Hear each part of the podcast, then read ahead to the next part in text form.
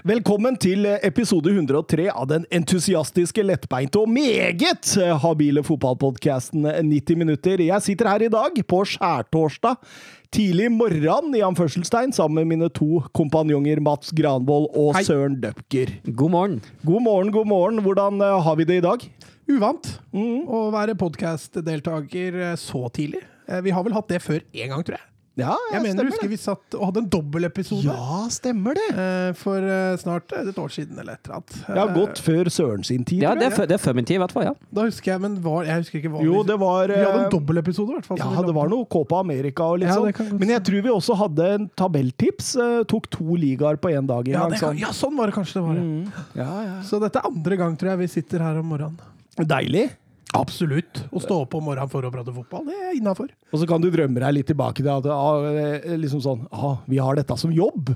Sitter her på dagtid, liksom. Dette er ikke noe hobby. meg hobby. tilbake. Ja, til da vi var profesjonelle podkastlyttere. Nei, lyttere. Ja, det er profesjonelle podkastlyttere. Åssen blir du det? Fins det? Ja, Jørgen Be Ready ny stund. Ja, men er han profesjonell? Ja, det tror jeg. Ja, okay. Det tror jeg. jeg tror han har stålkontroll på alt som eh, finnes i podkast, i hvert fall Norge. Ja, ok. Ja, nei, det er kanskje så proff det går an å bli, i hvert fall. Ja, ja. Det finnes jo også folk som anmelder podkast på diverse nettsider, tenker jeg. Så Det- de må, gjør, de må ja. gjøre det profesjonelt, på en eller annen, semiprofesjonelt i hvert fall. Jeg lurer på åssen anmeldelse vi hadde fått. Ja, ja. Ja. Kjenner jeg ikke bryr meg så fælt om Nei. eh, for hva folk tenker. Det hadde vært litt gøy å bare, bare sett hva det var. Altså, hadde, altså, vi hadde hengt opp én her nå, vi. Hvis vi hadde ja, ja, ja. fått terningkast én. Ja, selvfølgelig. Ja. Alle tilbakemeldinger tas imot med Åpne armer. Ja. Ja. Uansett hvordan dem er. Det spiller ingen rolle. Nei, det, tar oss ikke nær av noen Nei ting. da. Vi sitter jo her vi, og koser oss. Ja. Det er alt som betyr noe. Men, men vi må jo være litt gode, fordi eh, Didrik Tofte Nilsen på Twitter skriver til oss eh, God påske til Norges beste fotballpodkast. At dere har så kontroll i fem ligaer, er ikke annet enn lokomaniac. ja, det er jeg helt enig i. Fy flate, så mye tid det går med. Men, men eh, det er gøy. Hyggelig, hyggelig og takk. Takk, Ja. Didrik. Tusen takk. Kjempehyggelig. God påske, Didrik. Veldig hyggelig. Men, men det er jo gøy. Det er jo derfor vi driver med det. Ja, absolutt. Og før vi begynte med dette podkast-greiene her, så brukte ikke jeg i nærheten av så mye tid på fotball som det jeg gjør nå. Og, Altså- og alt føler man jo tidvis er verdt det, selv om det noen ganger er litt slitt. Ja, Og så kunne jeg ikke halvparten så mye heller. Nei, det er klart. Og så kjenner jeg at vi- henger litt etter i Frankrike ennå, Didrik. Ikke arrestere meg for mye på Frankrike ennå, Ja, men, men det kommer seg. Det merker jeg veldig da vi driver med den draften nå til ligaen, som vi sikkert kommer tilbake til, at uh, den kunnskapen i liga A, den ligger litt bak de fire andre. Den Den, gjør den gjør jo selvfølgelig det, men det er jo Altså, når er man så league Ø eh, før? Da? Det var jo når det ikke var noe annet. Jeg vet- jeg vet når det, når det var storkamp PSG mot Monaco eller noe sånt. Ja, ja. Eller, eller om eh, at man så dem i Europa. Ja. Men eh, Eller landslag. Ja, det blei litt, da. Vi så ganske mye likevel. Men det er jo klart det, Sant igjen og, eh, og, og sånne lag, det, det har blitt mindre av det når man følger så tett andre ligaer. Mm. Det, det sier seg sjøl. Søren følger jo også den færøynske ganske Ja, det har jeg slutta med, faktisk. Du har det, ja? Ja, altså det, det var litt uheldig for godeste TV2. De kjøpte seg jo rettighetene, og så kom den første runden. Eh, og så ble det jo klart uh, litt sånn før den første færøyske runden at uka etter skulle Tyskland starte opp, og da krasjet det jo med EKAM-tidspunktene fra Færøyene, og da ble jo Bundesliga prioritert. Sånn ble det jo. Ja, stemmer det. Jeg husker vi satt her og snakka om at nå får uh, Bundesliga en god del ekstra følgere. Men eh, ja, nei, jeg kasta meg ikke på den færøyske bølgen. Det gjorde jeg ikke, altså. Nei, ikke jeg heller. Em, vi kan jo egentlig bare rusle rett over på eh, de ti eh, grusomme spørsmåla. Som I dag, Thomas, som jeg annonserte sist, så gjør vi litt om på konseptet i dag. Oppvarmingen den går vi som vanlig gjennom eh, på normalt vis, men så vinneren av oppvarminga får velge kategori først. I hver kategori er det to spørsmål, og dere velger kategori annenhver gang. Eh, eh, Den som velger kategori, han får det første spørsmålet. Svarer dere feil eller pass eller ingenting, så går det spørsmålet videre til neste. Er reglene forstått? Ja. Jeg annonserer allerede her og nå at jeg ikke har noe tilleggsspørsmål, Døpker. Så skulle det bli likt, så får dere et poeng hver. Er dere klare? Ja. Oppvarmingen i dag er eh, Norge i sluttspill. Å, oh, faen da. Søren, Mm. hvem skåret Norges eneste mål i VM i 94? Ja, nettopp. Var det Flo? Nei, det var Kjetil Rekdal. Thomas, hvilket lag, hvilke lag hadde Norge i sin gruppe i VM i 98? I sin gruppe i VM i 98. Det var da de slo Brasil eh, i siste kamp. Eh, Så Brasil får du for. Jeg får for Du får Brasil, ja. Men hvem i alle dager var de to andre? Det har jeg helt jernteppe på nå. Har jeg lov å prøve? Ja, du får ikke poeng, Nei. men eh, vent, da. La han Ja. få ti sekunder til. Ja, men jeg må, det må jo tenkes. Fordi jeg, jeg blander med 94, ja, for da var det Marokko, Irland og eh, Mexico. Så hadde du tatt den, så Men så, så driver jeg og blander med disse. Men vi jeg må jo si da Brasil Nei, jeg kommer ikke på det. Skottland var det ene, i, hvert fall, mener jeg å huske. Ja, Tom- stemmer det. Altså, var, det, altså, var, det, var, det, var det ikke Marokko eller Det er helt riktig. Ja. Thomas Marokko, blander. Marokko. I, I 94 hadde oh. vi Italia, ikke Marokko. Så Marokko Ja, var fra ja, 98, ja, ja, så der blanda du. Oh. Søren, Norge har gått videre fra gruppespill én gang. Hvem møtte vi i Det, åttendelsfinalen? det var også Italia. Det er riktig. Husker du resultatet? Uh, Tapte vel 2-1? 1-0. 1-0, ja. Christian Vieri. Ja. Eh, Thomas, Norge har kun én spiller som har skåret mer enn ett mål i et sluttspill. Hvem er det? Altså, da snakker vi totalt. Ja, det må jo bli Kjetil Rekdal. da. Det må bli Kjetil Rekdal. Da står det 1-1. Søren, hvem var Norges førstekeeper i EM i 2000? Å, var det Frode Grodås? Det var det ikke, det var Thomas Myhre. Yes. Thomas, hvem var Norges kaptein i VM i 98? 98, 98, 98. Eh, kaptein Kjetil Rekdal. Det Nei, var det var ikke, selvfølgelig. Frode ja, stemmer Da ble det 1-1 den runden her. Ok, Kategoriene dere da kan velge mellom, da blir det stein, saks, papir. dere får ta en, kjøre stein, saks, papir her for hvem som får velge gruppe, nei, velge kategori. Og den vinner jo alltid Søren, tenker jeg. Bare to sekk. Ja, det ble og, gru- og, og kategoriene dere kan velge mellom, er VM i 90, norske selbragder, DFB-pokal, engelske manager i utlandet og spansk målteft. Ja, du gir meg DFB-pokal, du. Jeg skal begynne med det. Og søren, Bayern har selvsagt flest titler, men hvilken klubb har nest flest? Oi.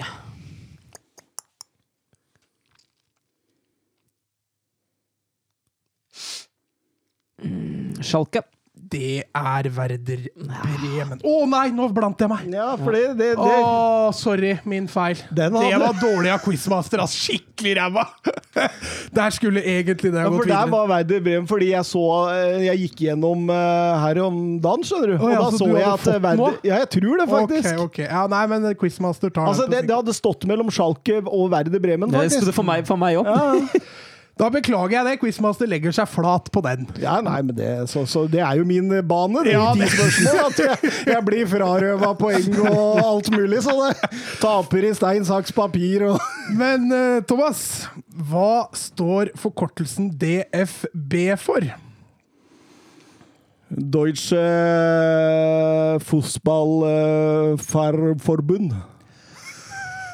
Skal han få for den, uh, Dupker? Det er så nære man i det hele tatt kommer uten å Det er, det er nært, og med tanke på at du ødela et poeng til ham, syns jeg han kan få for den, ja. Ja, jeg syns også det. Deutscher Fussball Bunn, ja. Ja. Bunn. Ikke forbund. Nei, Så du får for den. Da er det 1-0. Litt flaks, da. Thomas, du velger neste topic. Da har vi en eh, VM 90, engelske manager i utlandet, spansk målteft og norske selbragder. Ta norske selbragder, ja. Vi tar norske selbragder. Molde er eneste klubb utenom Rosenborg som har spilt gruppespill i Champions League. Der var de i 99. Hvilket lag var det eneste laget de slo i gruppespillet? Var det Real Madrid? Det var det ikke. Nei. Steaua Bucuresti. Det var det heller ikke. De hadde ikke dem i gruppa engang. Det det var ikke så lett. Det var Olympiakos, som var laget de slo.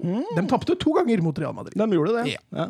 Søren, i 97 klarte Rosenborg noe som ingen andre norske klubber har klart før eller siden. De nådde kvartfinalen i Champions League. Hvem tapte de for der? Åh, det er jo lenge før min tid. Nei, er ikke du født i 94? Nei, lenge før jeg begynte å følge med på internasjonal fotball. Jeg sier Bayern, ja. Det er eh, feil. De slo jo AC Milan, men det var kanskje siden Nei, det, det var på veien dit. Og da tapte de mot Husker noe forferdelig tap mot Lyon og sånt, men eh, hvem er det de kan ha tapt mot der, da? Scheisse. Nei, det er feil. Nei, jeg, jeg, vi tar Lyon, vi. Det er feil. Det var Juve som de røyk ja, for. stemmer det. Søren, var to ganger i Italia, det. Gi meg VM 90, du. VM i 90. Hvor mange mål skåret Maradona i dette Jeg mesterskapet? tror han bare skåret ett, ja. Jeg fant ikke noen, jeg. Fant ikke noen, nei. Han skåra null. Ok. Så Han da hadde et på straffe, tror jeg. Ja, men det var i straffekonk. Å ja, det teller ikke, nei. Ja, men han hadde to i straffekonk, så Ja. uansett så hadde du feil. Eh, da, Thomas Hvor mange poeng rasket Sverige med seg fra gruppespillet? Mm, mm, mm, mm. Det er jo dette mesterskapet Ja, fanken, det var det før 90, ja. Ikke 94. 90. Eh, tre. Det var n- Null. Null, ja. Jeg fikk, lov, jeg fikk ikke lov, ja, meg nå ødela jeg for deg og Søren. Sorry. Herregud, dette blir jo bare ja, men det er fordi du er vant til Ja, jeg å vant å avsløre resultatet. Det er et problem med det der altså. Greit, men da er det to igjen, Thomas. Engelske manager utlandet eller spansk målteft? Spansk målteft. Spansk målteft der, altså. Sara-trofé deles ut hvert år til den spanjolen med flest mål i La Liga.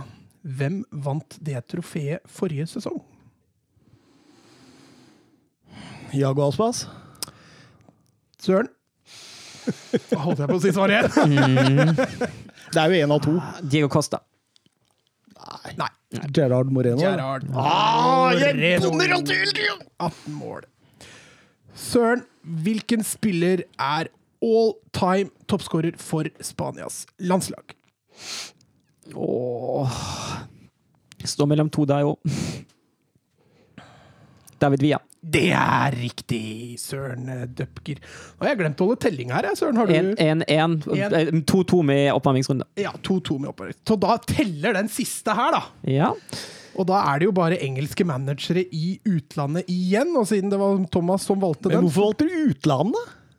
Jo, det var bare for å ha et kult tema. Ja, ok.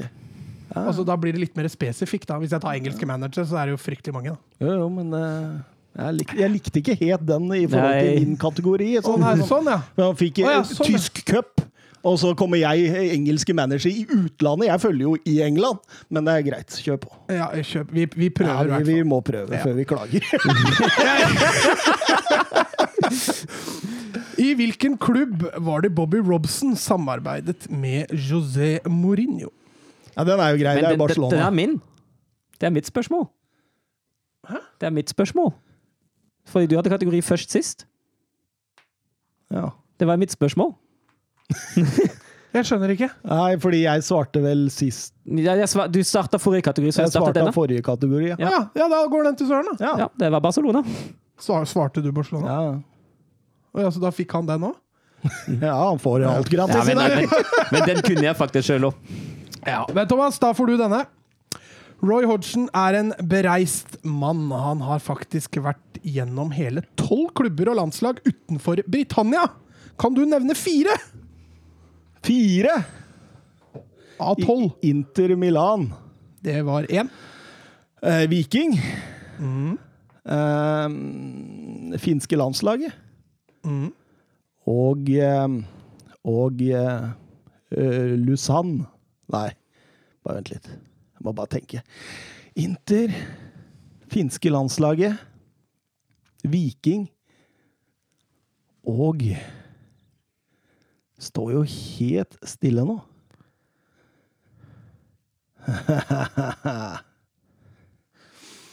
Jeg bare synes det var så spektakulært at han har vært så mange steder utafor England. Det er ikke så ofte du ser så Nei, nei. mange manager så mange land uh, utafor.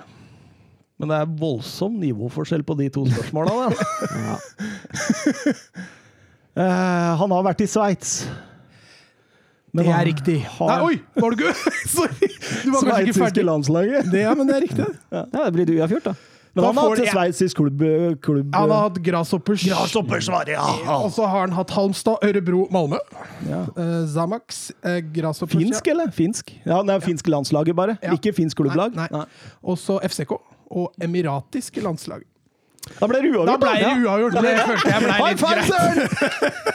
Det ble litt kål i den, så vi får, vi får moderere den quizen. Ja, men jeg, likte den. Ja. Jeg likte den. Eh, jeg tror eh, jeg skal kjøre på samme. Mm. Eh, Syns den var fin. Eh, Veldig forståelse av at det er vanskelig å ikke si Ja, svaret, siden vi har drevet med dette nå i 50-60 runder. Ja, ja, ja. Så er jo det noe vi må virkelig tenke på før vi setter i gang. Men jeg likte, likte den. Og, og, og fint at begge får poeng. Det er moro. ja, hadde ikke noe tilleggsspørsmål. Å takke, seg sjæl. Den lærdommen kan vi ta, Søren. ja, den kan vi overfatte. Eh, vi eh, kjører intro. Messi. Surging forward with real menace here. Brilliant from Messi.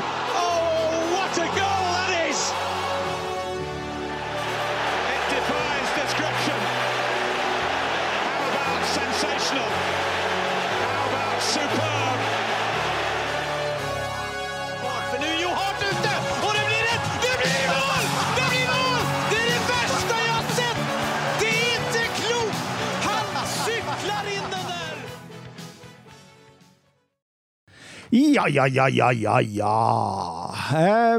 Vi eh, har vært vitne til en landslagsuke.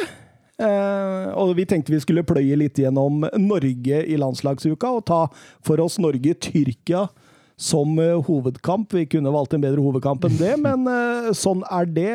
Hvilken kamp var det som var bedre enn den? eh, Gibraltar, da? det, det var i hvert fall mer ålreit å se på Montenegro-kampen. Ja, sånn, ja. Ja. ja. Men, men vi kan jo begynne med Gibraltar. Noen få ord, Mats? Noen få ord. Velvalgte. Nei, altså en første gang vi dominerer stort og burde kanskje leda med langt mer enn to mål. Gibraltar veldig forventa, ligger superlavt, og vi, eh, vi eh, er flinke til å dytte ballen hurtig mellom oss. eh, Skaper stort press på Gibraltar. Tror vi har 84 ball possession hele kampen totalt, så vi, vi dominerer jo fullstendig. Ti minutter av første gang, andre gang også veldig bra, og slutten av den kampen ødelegges av bytter og et altfor dårlig tempo. Ja, men altså, når, det er sagt, syns jeg det er fint at han prøver mot sånne motstandere. da, at han faktisk, altså, Men ser det jo, han brukte jo litt annen, eh, litt annen forsvarsrekke også uh, mot Gibraltar. Han eh, prøver å dytte inn spillere og prøver litt forskjellige ting. og det er jo Altså, Om man vinner 3-0 eller 6 mot Gibraltar, det har ikke så mye å si, men det er fint at uh, flere spillere får vist seg litt fram, og man ser om men, de men kan brukes. samtidig hadde det ikke vært lurt å bruke dette som en treningskamp til Tyrkia. Jo, jo, det har det vært. Men, eh, men har målforskjell noe å si, eller går det på innbyrdes? Det går på innbyrdes, tror jeg. Fordi eh, Et Twitter-spørsmål fra Jonathan Hobber her. Eh, hvor vanskelig var det egentlig for Ståre Solbakken inn mot denne samlingen? Ja, den, det, det er jo litt tøft å komme som, som ny landslagstrener og ha egentlig den aller første samlingen. Uh, og så får du får ikke trent noe særlig på noen mønstre eller noe som helst. Uh, så det er jo så klart, det er jo tøft, det. Og det verste her er det relasjonelle. Eh, Han komponerer ganske mange nye relasjoner til den kampen her. Du har kanskje et par stykker som har vært der. Ødegaard, Sørloth, eh, Haaland.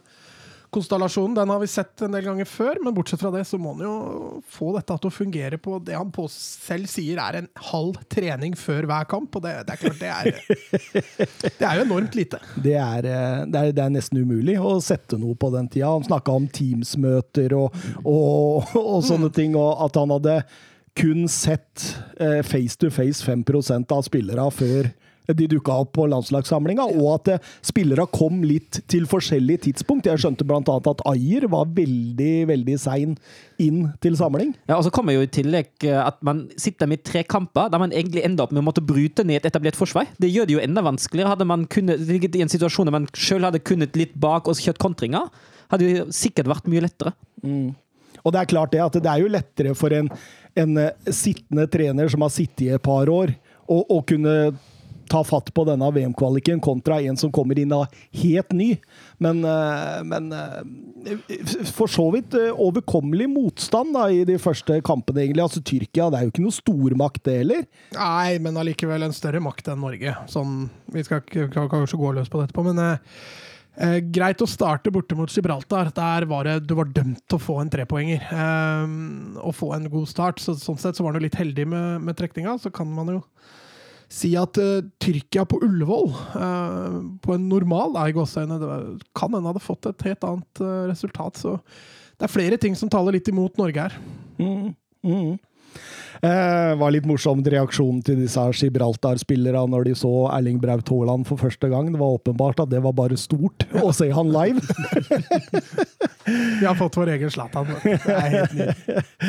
Eh, Men vi sier ikke noe mer om det. 3-0. Jeg syns eh, Jeg, jeg syns eh, det, det var helt greit, som du sier, i en 55-60 minutter, og så faller vi pga. masse bytter og, og litt sånn kampen er avgjort. Det begynner å, å trilles ball.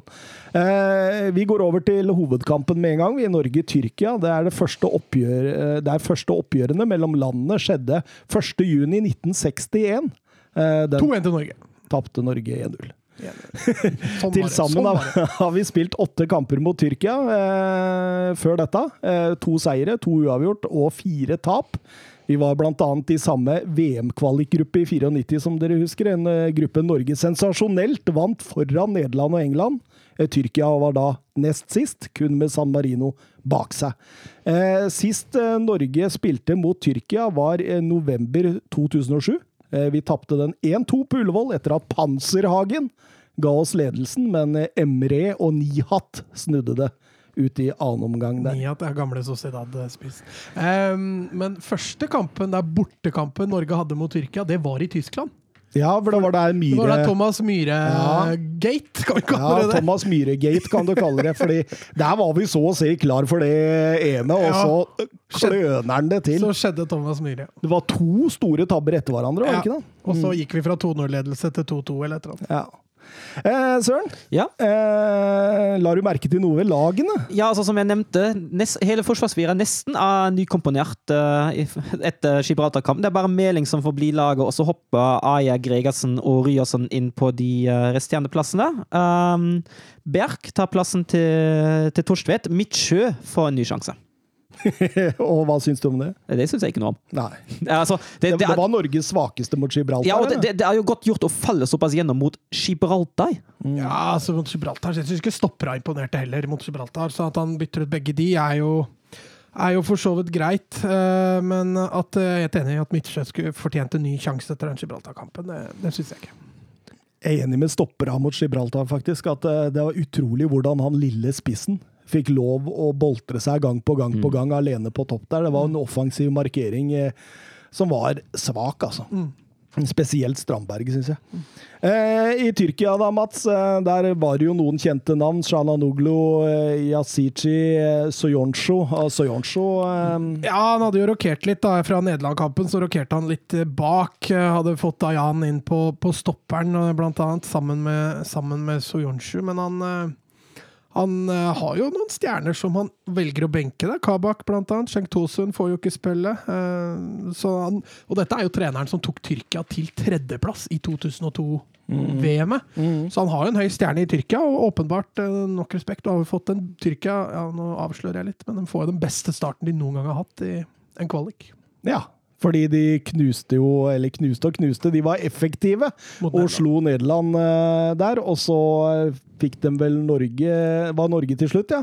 I mellomtida der var det Latvia, der de vant 2-0. Nei, Latvia spiller 3-3. 3-3 3-3. i går. Ja, Nei, stemmer det! Stemmer det, For det var jo det som gjorde at vi eh, faktisk eh, har en OK standing i gruppa. Mm, Og og ifølge Ståle Solbakken så får jo Sigurd Purten også, da Da blir det god sommer. Hva er det du sier nå?! Har du ikke sett den videoen? Nei, Fra garderoben etter kampen mot eh, Montenegro? nei. Nei, den burde gå inn og titte. OK. Ståle er fin, altså. Ja, ja, han har noe gullkorn. Jeg tror han er kul å ha med i garderoben når det har gått bra. Og så tror jeg det er fryktelig ubehagelig å ha i garderoben når det går dårlig. Litt Jørgen Klopp. Litt Jørgen Klopp. Det var vel det jeg tenkte på. Eh, Men, men Tyrkia får jo en voldsomt god start i denne kampen, Mats.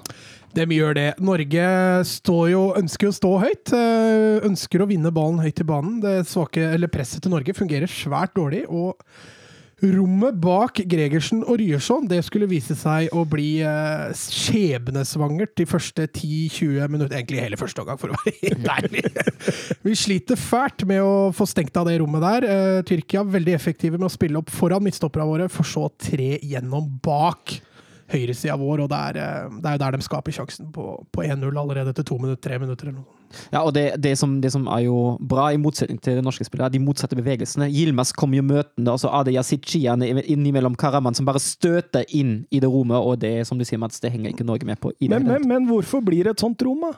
Altså, Norge står jo høyt for å ta, uh, gjenvinne høyt. Uh, første presseleddet vårt uh, er svakt. Vi presser én og én. Det gjør at Tyrkia får litt bedre tid til å vende opp, tre gjennom på den møtende spissen.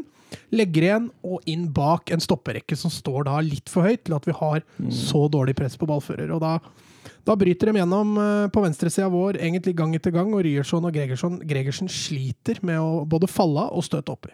For du ser jo Soyuncu får jo all verdens av tid Ja, ja, ja, men det gjør. I midtbaneleddet til Tyrkia òg, når de får den oppi der. eh, Jeg syns de har eh, for god tid hele veien.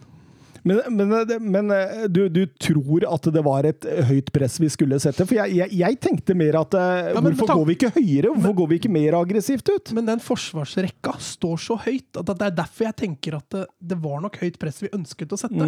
Men at vi ikke får det til, det er jeg helt enig med deg. Ja. Eh, For en forsvarsrekke som står så høyt med lavt press, det hører jo ikke hjemme noe sted.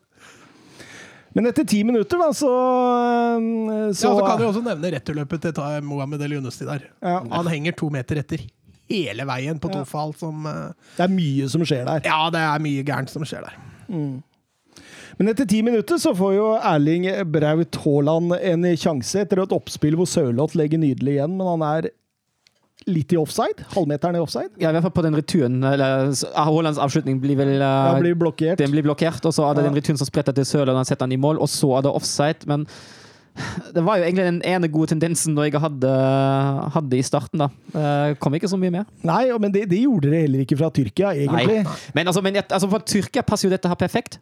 Når de leder 1-0 tidlig, med første angrep skårer de mål, og så kan de egentlig bare ligge bak og se på hvordan Norge triller ball. Og så kan de kjøre på kontringer.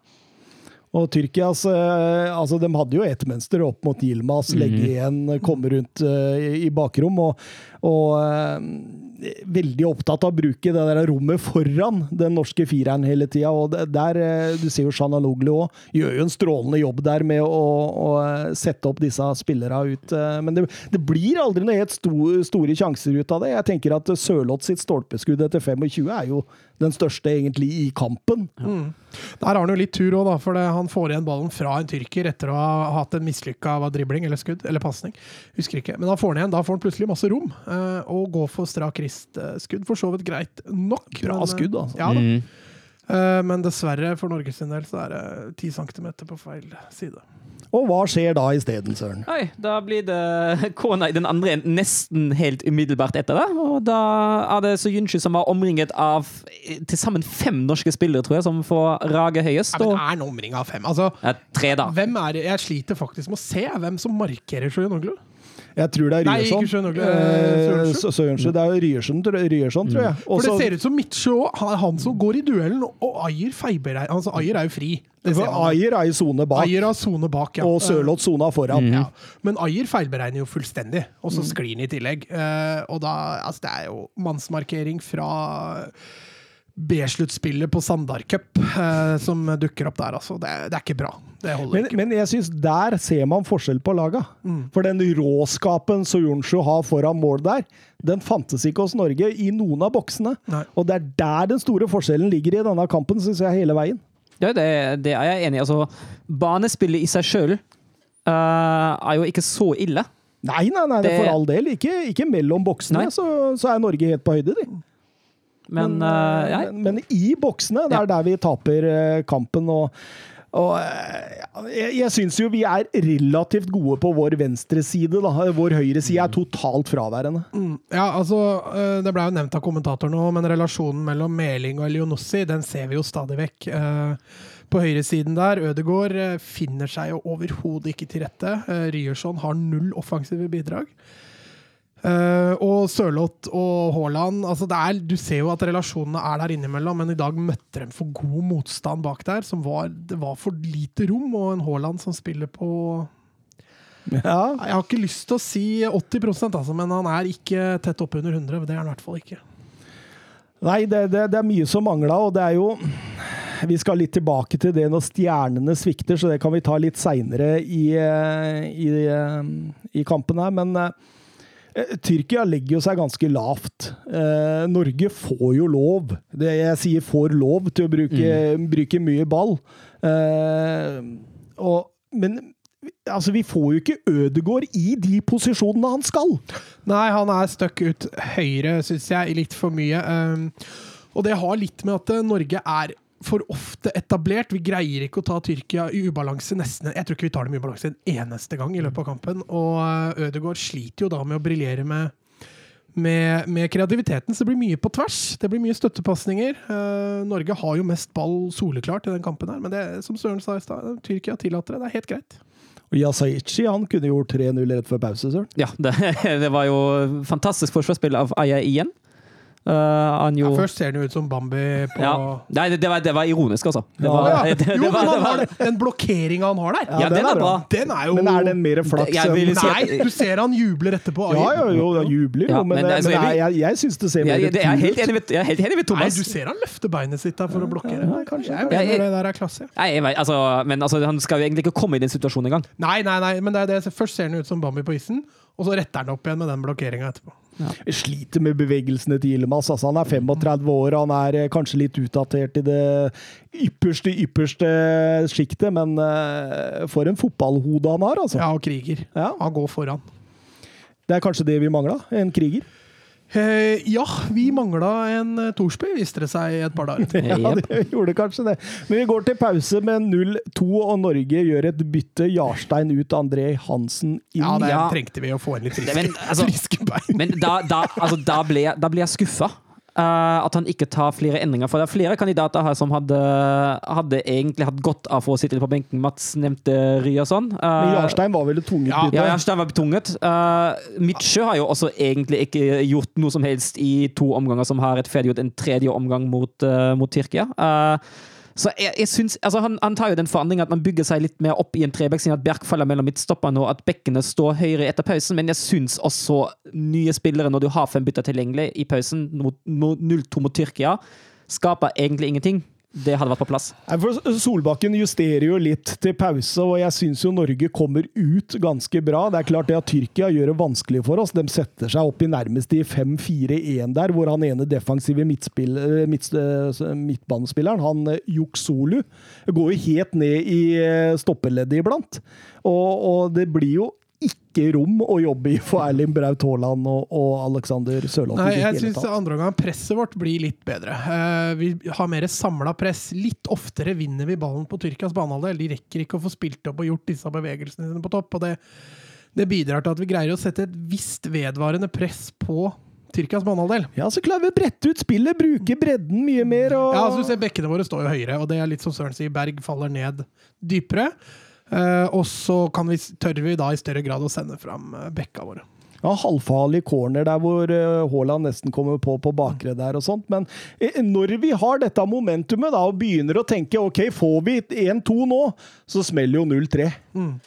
skulle vi hatt straffe først der? Jeg fikk ikke den reprisen eh, mer. Hvem er det du tenker på, da? Birger Meling skjærer inn i 16-meteren, Ja, ja, ja. sparker ja. ballen, og så blir han Jeg veit ikke om han blir tatt, eller om uh, tyrkeren er på ballen. Er Men de du usikker. får ikke sett reprisen. Den viser ikke reprisen.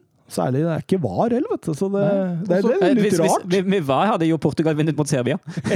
Det kan man trygt si. Eh, Men som du sier, Tyrkia går jo da etter den straffesituasjonen i gåseøynene. Umulig å si om det var straffe eller ikke, men da går jo Tyrkia bare opp og eh, setter 3-0 på vakkert, vakkert, eh, vakkert To faen der som skrur ballen i lengste Men der. altså, da Midtsjø bruker jo 500 år på å komme seg i press. Og så Ja. snur han seg! Ja. Ja, Det det, irriterer meg. det presset der er ikke bra. Og så har du igjen det vi snakka om i starten, med at uh, opp på feilvendt, inn bak høyre midtstopper og høyre bekk. Eh, etablerer spillet litt der før de vender inn mot uh, Tofan, som eh, får drømmetreff. Mm. Mm. Fra 18-19 meter, vel. Ja, det var eh, voldsomt treff der. Mm. Og eh, da ser du jo at eh, Norge faller litt. Da Mm. Ja, men det var jo spikeren i kista. Eh, som du sa, hadde Norge fått 1-2 i starten av andre omgang, så hadde det vært match 3-0. Da, da er det over. Og det gjelder, ser du mentalt at eh, Ståle Solbakken er, går fra å være aktiv på sidelinja til å bli eh, ja, litt inaktiv. Ja. Men det, det, det er tungt, vet du. Og, og Tyrkia får jo mål i de akkurat de rette Ja. øyeblikka. Og rett etter en stor sjanse der i første omgang, så setter de 0-2. Når Norge har momentum og kan skape 1-2 der i annen omgang, så kommer 0-3. Og det, det er klart det at det er tungt. Det kan bli 0-4 der rett etterpå, hvor, hvor eh, Karaman, Yilmaz og Yasici eh, De leker jo. eh, Ja, altså det er litt, jeg syns det var litt skremmende å se Ayer i den kampen her. Ja, jeg òg tenkte Det var Så jeg var litt fornøyd når jeg så han tilbake mot Montenegro. Ja. Men det var et hakk ned, da. I forhold, ja. altså Jovic, Jovic er ikke noen dårlig spiller, altså, men uh... Nei, men Han gjorde det bra mot Montenegro, så jeg tenker at vi kan eh, gi en fordel Ayer eh, enda. Ja. Men, eh, men jeg er helt enig med deg, denne kampen her svikter han jo, og det gjør jo for så vidt Gregersen òg. Ja, jeg syns Gregersen viser her at han har ikke nivå inne, altså. Nei, det syns ikke jeg. Så stoppeproblemet til Norge, det bare fortsetter. Eh, Erling Braut Haaland har en sjanse etter 64 minutter der hvor Soyonshu blokkerer. Syunshu har vært enorm i den kampen der, altså. Det, og det er stoppespill i verdensklasse. Ja ja, er du gæren. Jeg syns det er en sjanse. Hadde han hatt den i Dortmund, så hadde det fort vært mål. eh, Men akkurat i den landslagsoppholdet her, så går ikke sånt inn for Haaland. Og Tyrkia kan sende et lite takkekort til Sunshu for den blokkeringa der. Jeg syns Soyonshu var liksom på en måte alt Norge mangla. Mm. Han var lederen, han sto fram, han tok duellene, han hadde energien. Matchavgjørende involvering. Mm. Og, og det, det fins ikke å, å, i det norske laget. Eh, vi, vi, vi prøver jo å, å bytte om til en slags diamant eh, med Thorstvedt inn. Det holdt lenge, det.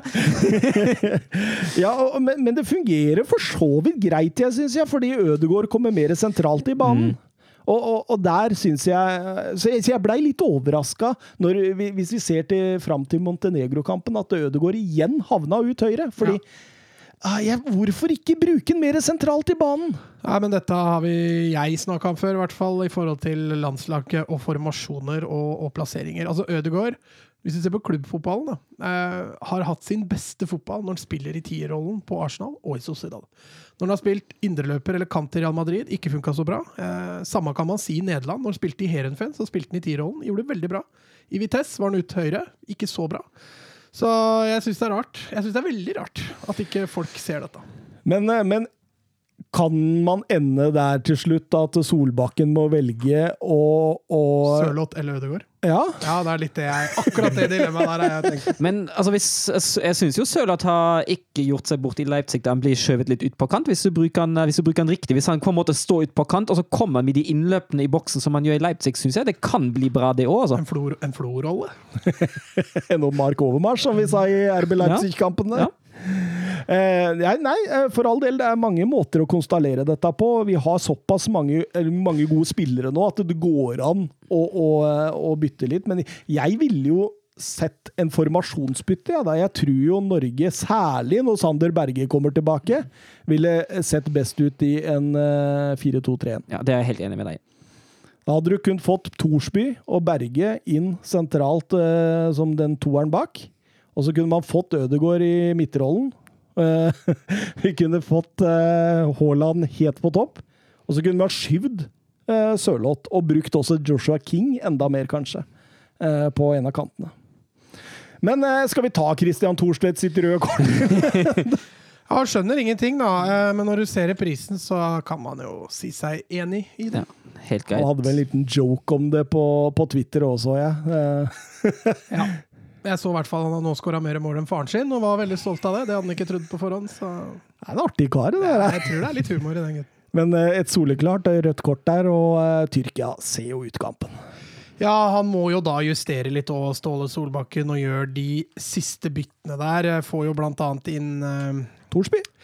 Torsby for å, å trygge sentralen. Trygge sentralen på 0-3. Ja, det er det deilig. Altså, Ja, jeg skjønner den. Jeg skjønner den. Jeg syns det er bedre å tape 3-0 enn 4-0, så Ja, det er like greit. og det betyr det at resultattipset, Mats, var det eneste du som stakk av med poeng. eh, Ja, nei, Det er noe av det letteste resultattipset jeg faktisk har tatt. Jeg skjønner ikke at dere går på den smellen der. Men, men jeg likte det du sa før sending, om at jeg, jeg også trodde Norge skulle ta det, men så tenkte jeg nei, det går jo ikke. Nei, det er jo det er som Fugla og Lillestrøm. Jeg sa det da før kampen òg, at eh, så fort det er litt entusiasme der, så brytes det ned ved første anledning. Søren tippa 2-2 og null poeng. Jeg uh, gikk for en knallhard 3-1-seier til Norge. Med Hedvig Haaland. ja, ja. Patrick Haaland til og med meldte du. jeg trodde det kunne slå til, ja. men eh, nei da, nei da, det gjorde det ikke. Jeg, jeg tippa jo ikke 3-0. Nei. Jeg tippa 2-1 eller noe sånt, tror jeg, til Ja. Tyrkia. Så du fikk bare ett. Jeg fikk bare ett poeng. Eh, banens beste skal vi begynne med Jeg kan begynne med meg sjøl for en gangs skyld. Ja. Eh, jeg tar eh, selvfølgelig Soyuncu. Dere har tatt med Tyrkia, ja. Jeg har droppa det. Jeg tenkte, jeg, jeg gir meg sjøl en utfordring, og så tar jeg bare de norske. Ja, men vi skal gå gjennom børsen, på, eller ikke børsen og børsen, vi skal gi terningkast over etterpå, skjønner okay, du. Så ja, ja, men det da er greit, jeg kan godt Hvis du skal ta de tre banens beste, så finner vi jo ikke noe nordmenn. Nei, for da har jeg Soyuncu på tre, jeg har Tofan på to, og jeg har Yasichi på ett. Ja, jeg bytta Yasichi og Tofan, og så har jeg akkurat samme som deg ellers. Ja, jeg er enig med Søren da, i så fall. Ja, Eh, men jeg hadde også tre nordmenn. Men ja, vi kan ta det. ja ta, ta de tre nordmennene, da. Nei, altså, jeg hadde Birger Meling på tre. Han syns jeg kommer best fra det, hvis jeg kan si det på den måten. Eh, Patrick Berg syns jeg imponerer eh, stort, og så har jeg Sørloth på én. Ja, ja det er greit, det. Eh, litt om Montenegro og Norge også, som gikk for et par dager siden. Eh, har vi noe å si til den? Ja, altså det Han bruker jo Torsby sentralt, og I stedet for Midtsjø. i stedet for Mitchell, det skulle vise seg å, å være et veldig riktig valg. Fordi Da fikk vi inn krigeren. Ja, og han, altså Det mellomrommet som var et problem mot Tyrkia-kampen, det stenger Torsby fullstendig. Det er, jo, det er jo ikke en sone som eh, Montenegro kan bruke i det hele tatt, og Torsby har en enorm arbeidsinnsats uh, sentralt i midtbanen. der. Og så får vi i den kampen så har vi den lille magien som trengs for å få et mål. For Montenegro var ikke noe å overkjøre. Altså Jovic eh, som Nei, Jovic, ja, Jovetic, som spiller til daglig i Monaco. Savic, som er, spiller til daglig. Det er ikke noe, det er ikke noe tullelag. Eh, Men et lite øyeblikks magi fra Moi der, som redder eh, tre poeng.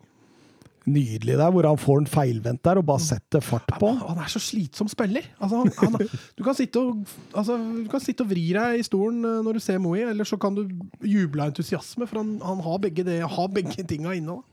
Vi faller litt i annen omgang, eller? Ja, vi gjør det. Eh, jeg synes særlig vi får problemer via kant, og det er særlig høyrekant. Jeg syns Jonas Svensson gjør en eh, litt slett jobb. Eh, Montenegro slår en god del diagonalballer ut. Klarer å skape overtall, særlig på sin venstre side, eh, og da blir det, blir det vanskelig. Eh, Samtidig er det jo altså den åpningen som, eh, som eh, eh, Svensson gir han eh, godeste Hakabanovic, eh, det er at han lar han gå innover, og det er jo en juniorfeil. Du skal ikke la en kantspiller gå innover. Nei, lede utover, det er jo, det er jo sånn vi driver med på min trening for tida.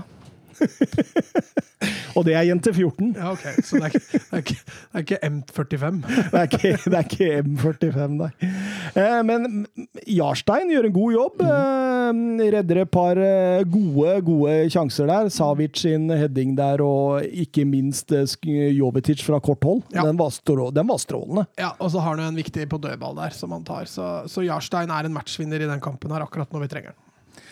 Eh, vi vinner 1-0, og, og ja, god førsteomgang. Eh, middels annenomgang gjør at vi eh, drar i land mot en motstander vi strengt tatt bør vinne mot. Ja, dette er jo en bortekamp på, på papiret, holdt jeg på å si, så viktig med tre poeng her, spesielt etter nederlaget mot, mot uh, Tyrkia. Så vi trengte absolutt tre poeng der i, i håp om at det skulle gå videre. Litt uh, like Børrestad altså, på TV 2. Han greier å få alt til å høres viktig ut. Altså. Det digger den lederstilen han har i programmet. der. Så. Entusiastisk. Ja, du får det til å høres ut som at dette er VM-finalen. Altså. Det- Han bygger entusiasme, som du sier.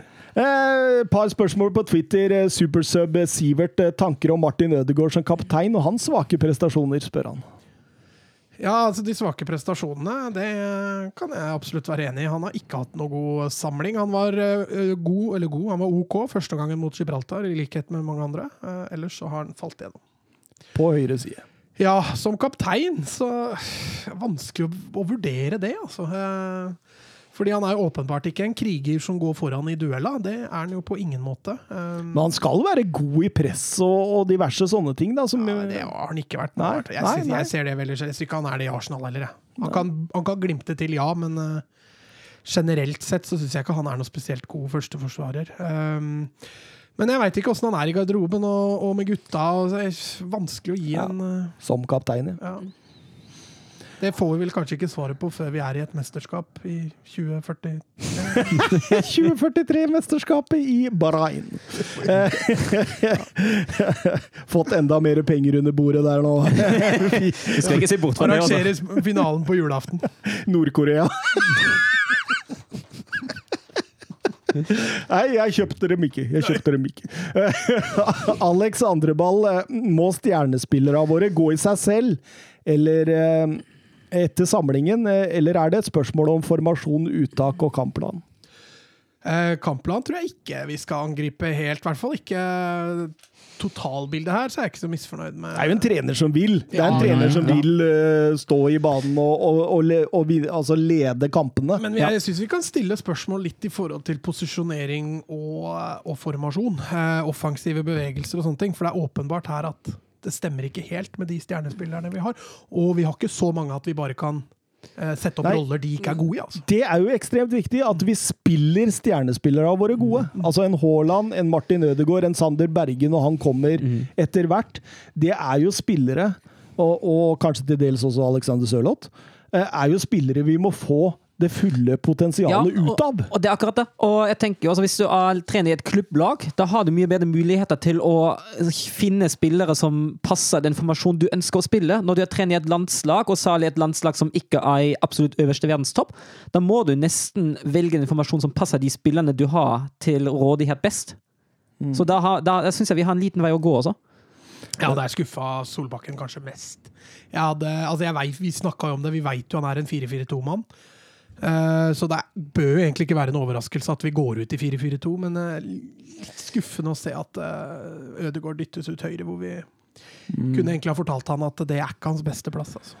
Nei, jeg syns vi kan unnskylde Ødegaard mye. Jeg syns også vi kan unnskylde Haaland en god del, for han får jo ikke de ballene han får i Bundesliga. Nei, og du ser den frustrasjonen han har. Hvem er det? Det er en spiller som får gjennomgå der, når han ikke slår gjennom på Haaland. Ja, det var Midtsjø. Midtsjø. Midtsjø.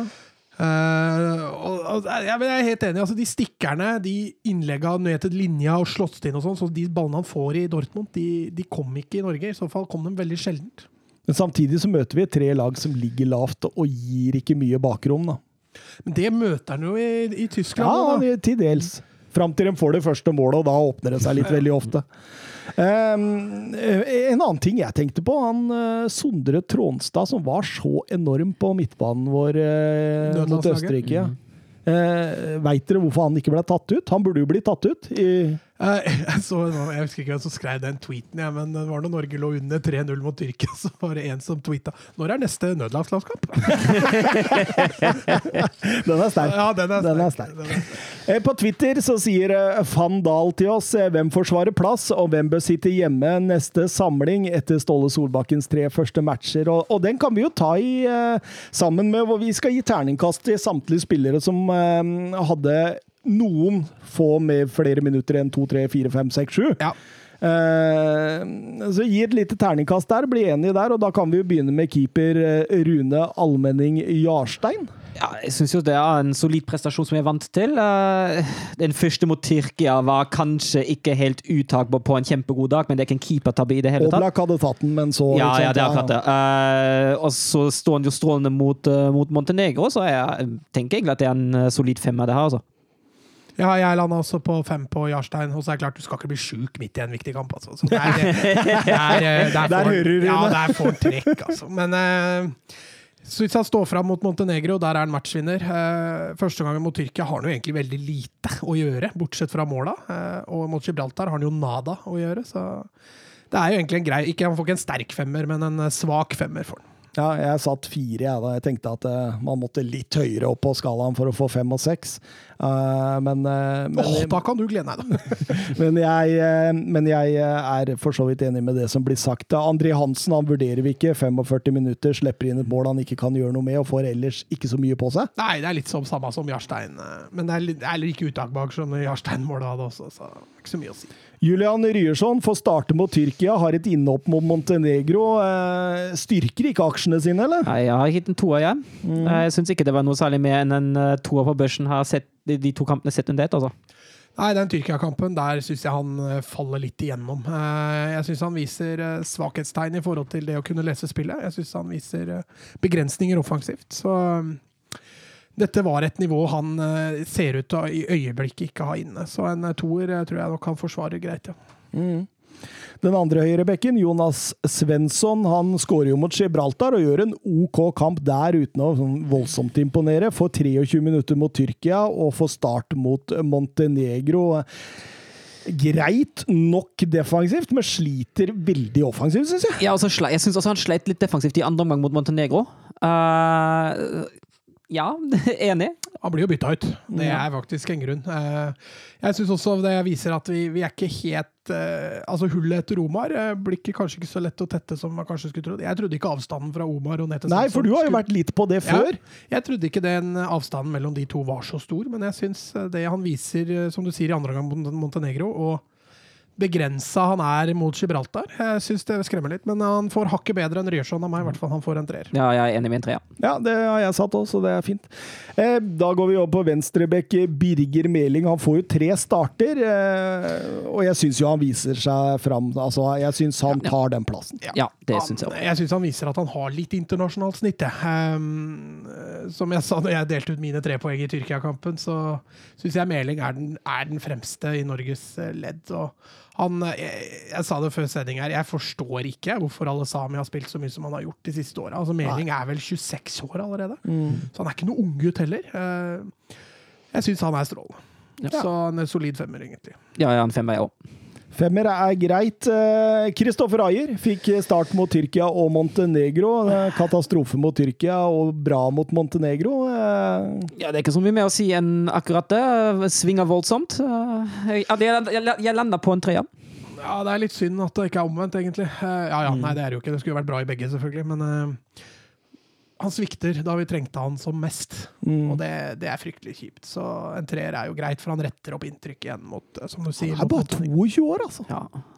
Jo, men allikevel, da. Det er han vi må lene oss på. Ja, ja, vi det det er- vi har putta ved siden av han. ja, ja. Altså, jeg skjønner jo det at det er vanskelig for han. Han har jo en ny stoppemakker å forholde seg til omtrent på hver landslagssamling.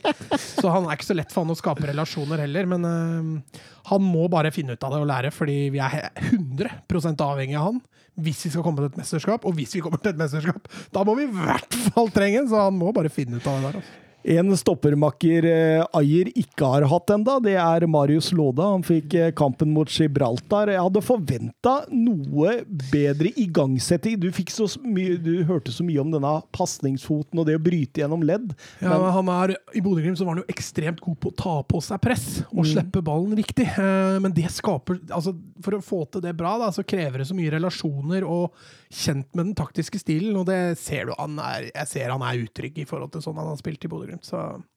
Men eh, han får jo en glimrende motstander på en landslagsdebut, da. Bedre enn det for en stopper kan det vel ikke bli. Har vi et terningkast? Ja, altså jeg er jo enig litt med det du sa også i starten av sendinga, Thomas, at uh, stopperparet skuffer litt med tanke på det som skjer med den eh, lille spissen. Da. Altså, men samtidig, det blir ikke utfordra på mye heller, så jeg, jeg havner egentlig på en god treer her, jeg. Ga han en treer sjøl. Ja, det gjorde jeg. Eh, Stefan Strandberg han får kampen mot Gibraltar og kommer inn helt på slutten mot Montenegro for å sikre seg tre poeng. Og, og, og det, det kan jo vise seg å være ganske lurt, for han var jo veldig involvert på slutten i en uh, duell der Ja, mot han, han Montenegro. har flere. Han, går, altså han, går inn, han skal inn for å ta krigen. That's Mm. it, liksom. Eh, Og den syns jeg han tar bra. Og som du sier, han har jo, på tross av at Gibraltar ikke skaper en dritt, så har han altså ikke noen god kamp mot Gibraltar. Eh, Så der, altså Den kampen aleine er jo en 2-3-kamp. Ja. Og så retter han opp nok i den eh, de ti minuttene han får mot Montenegro. Så sterk treer, svak firer kan man lande han på. Ja, jeg, jeg bare tre, altså. Jeg ga han en treer, ja. Eh, Stian Gregersen. eh, Start mot Tyrkia og Montenegro. Nei, det var skuffende greier, syns jeg. Jeg synes han var, Vi har vært inne på det, han var svak mot, eh, mot Tyrkia. Jeg synes også da, I den fasen når Montenegro blir sterk i andre omgang, at det gjerne er via Gregersen hvis midtforsvaret svikter og ikke Aje. Så det Jeg har bare en toer på Gregersen, ja.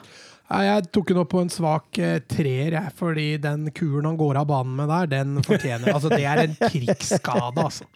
Og det viser at du er villig til å gå litt foran. Men jeg synes jeg er enig med deg, Søren. Han sliter med veldig mye. Posisjonering, tempo, erfaringer. Det er jo ikke bare hans skyld, selvfølgelig, men eh, det er mye feil og mangler der som gjør at jeg, jeg ser ikke på han som en optimal stoppepartner til Ayer. Så en svak treer lander jeg på. Så Ståle Solbakken må fortsette å leite etter stoppere, er det det vi konkluderer Ja, med? altså, jeg har jo, har jo et lite håp om at eh, det er en i Hoffenheim som blir frisk snart. Eller kan brukes snart. Jeg synes eh, Håvard Nordtveit på, på sitt beste er jo en eh, meget solid og habil stopper. Ja, så snakka vi litt før vi gikk på her om, om Øst i går, og jeg, altså, jeg etterlyste jo han under Lagerbäck. Men når jeg også ser at Solbakken setter han på benken Blir du litt skeptisk? Jeg blir jo litt skeptisk, men det er klart jeg har sett han altfor lite til å kunne være noe bastant i meningene mine. Eh, så Ser du ikke Coventry uke inn og uke ut? Altså? gjør ikke det, altså. Nei, altså, Isak, han, var jo, altså, han hadde jo noen gode kamper i St. Pauli, men han, altså, innimellom altså, Det glapp altså. altså. Det var en god del variasjon. Det er jo vanlig for en ung stopper å ha, men uh, gikk jo alt fra kjempegod til kjempedårlig. Men Men så- Ruben Gabrielsen, da? Men, jeg- Han gikk jo foran i den nødlandskampen. Han gjorde det, men han ble, han ble tatt ut. Ja, var, Ja, ja, han satt på benken, satt på benken, stemmer det. Men eh, altså jeg tenker også at det kan jo ikke bli så fryktelig mye dårligere enn de vi allerede har prøvd. Nei. Det er jo bare å gi den sjansen. jeg. Eh, Fredrik Midtsjø, start mot Gibraltar og eh, Tyrkia. Eh, bytta inn mot Montenegro. Her tenker jeg Søren har eh, noen ord. Ja, det var altså, Som sagt, det er godt gjort å falle såpass gjennom mot Gibraltar som han gjør. Altså, han har, han har riktignok assisten før 1-0, men altså, er en kone det er kanskje positivt å si. Også, den Tyrkia-kampen var jo helt katastrofe. Rett og slett imponerende å falle så gjennom Ja. mot Gibraltar. så altså kan man nok si at han, han gjør seg ikke bort i det innhoppet mot, mot Montenegro, men altså Det er nok til å få huden full av Ja. Erling Braut Haaland. altså, jeg, jeg havner faktisk på en stolpe her, altså. Jeg gjør det. det gjør jeg jo. Jeg får min første ettpoenger her. Eller Ja. Jeg syns det er Norges dårligste spiller i, dette, i denne samlinga. Eh, Som du sier, Søren, Gibraltar. Det er faktisk en prestasjon å skille seg ut som svak eh, i den kampen der, når du møter såpass svak motstand, som ligger så lavt.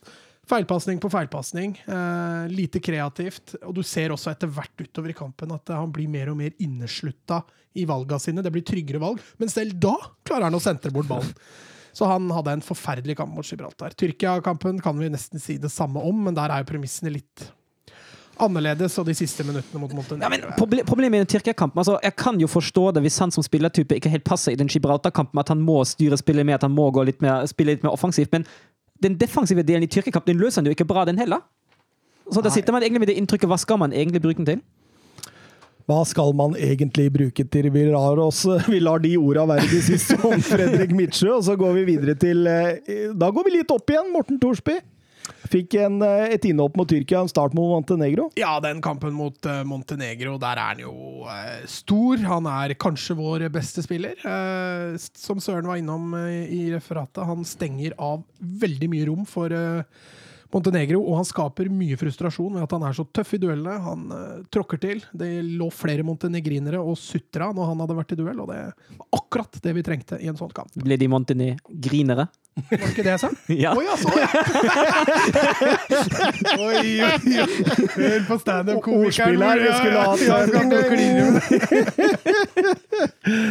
Ja, jeg syns han, eh, han viser jo den eh, punchen som Soyuncu viste mot Ja. oss for Tyrkia. Så Eh, han får en, får en sterk femmer. Ja, Han spilte seg inn.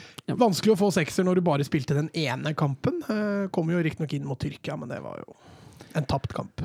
Ja, han, har, han har spilt seg inn, syns jeg. Ja, det synes jeg og, og, og åpenbare valget hvis vi skal gå over til 4-2-3-1 med Sander Berge eh, defensivt der. Men eh, det jeg også reagert på før altså Lagerbäck brukte Thorsby når han ble bytta inn de siste ti minuttene av en kamp, så var det gjerne ut på kanten. Ja, det Og så det, altså Da er vi igjen til det å bruke spillere feil på landslaget. Mm. Thorsby sentralt. Der så du intervjuet med Ranieri, som VG hadde. Han er jo superglad i Thorsby. Elsker jo gutten i forhold til krigermentaliteten, i forhold til det å gå foran. Ja. Mer Torsby. Ja, mer Thorsby. Eh, blir det mer Patrick Berg, eller? Han, eh, fikk, eh, han ble bytta inn mot Gibraltar og start mot eh, Montenegro og Tyrkia. Ja, jeg syns jo han, eh, han ikke gjør seg bort heller. Jeg synes, uh, altså, Tyrkia var jo en svak kamp av hele laget, men som Mats har vært inne på, han har jo, er jo en som faktisk har vist seg litt, litt positivt fram i den uh, Tyrkia-kampen òg. Jeg syns også han gjør en helt grei kamp eh, mot Montenegro, så jeg, jeg lander på en firer på Patrick Bjerka, altså. Ja, jeg syns også han kommer greit fra det. Han viser at han bør kalles inn til neste tropp. eh, Men, men eh, så lenge vi skal spille med den Så lenge Sander Berge kommer tilbake igjen, da er Berge sjanseløs på det, den elveren, i hvert fall sånn Thorsby spilte. Men der har vi en litt deilig playmaker-type. Få han ut i en litt større liga nå, så han kan utvikle seg videre, eh, så kan det bli eh, strålende for framtida. Har han litt sånn eh, Erik Myggen Mykland-tendenser, eller? Nei, altså, jeg skulle si at han er en dårlig Pirlo-løsning. Oh, ja. Han er litt der, altså.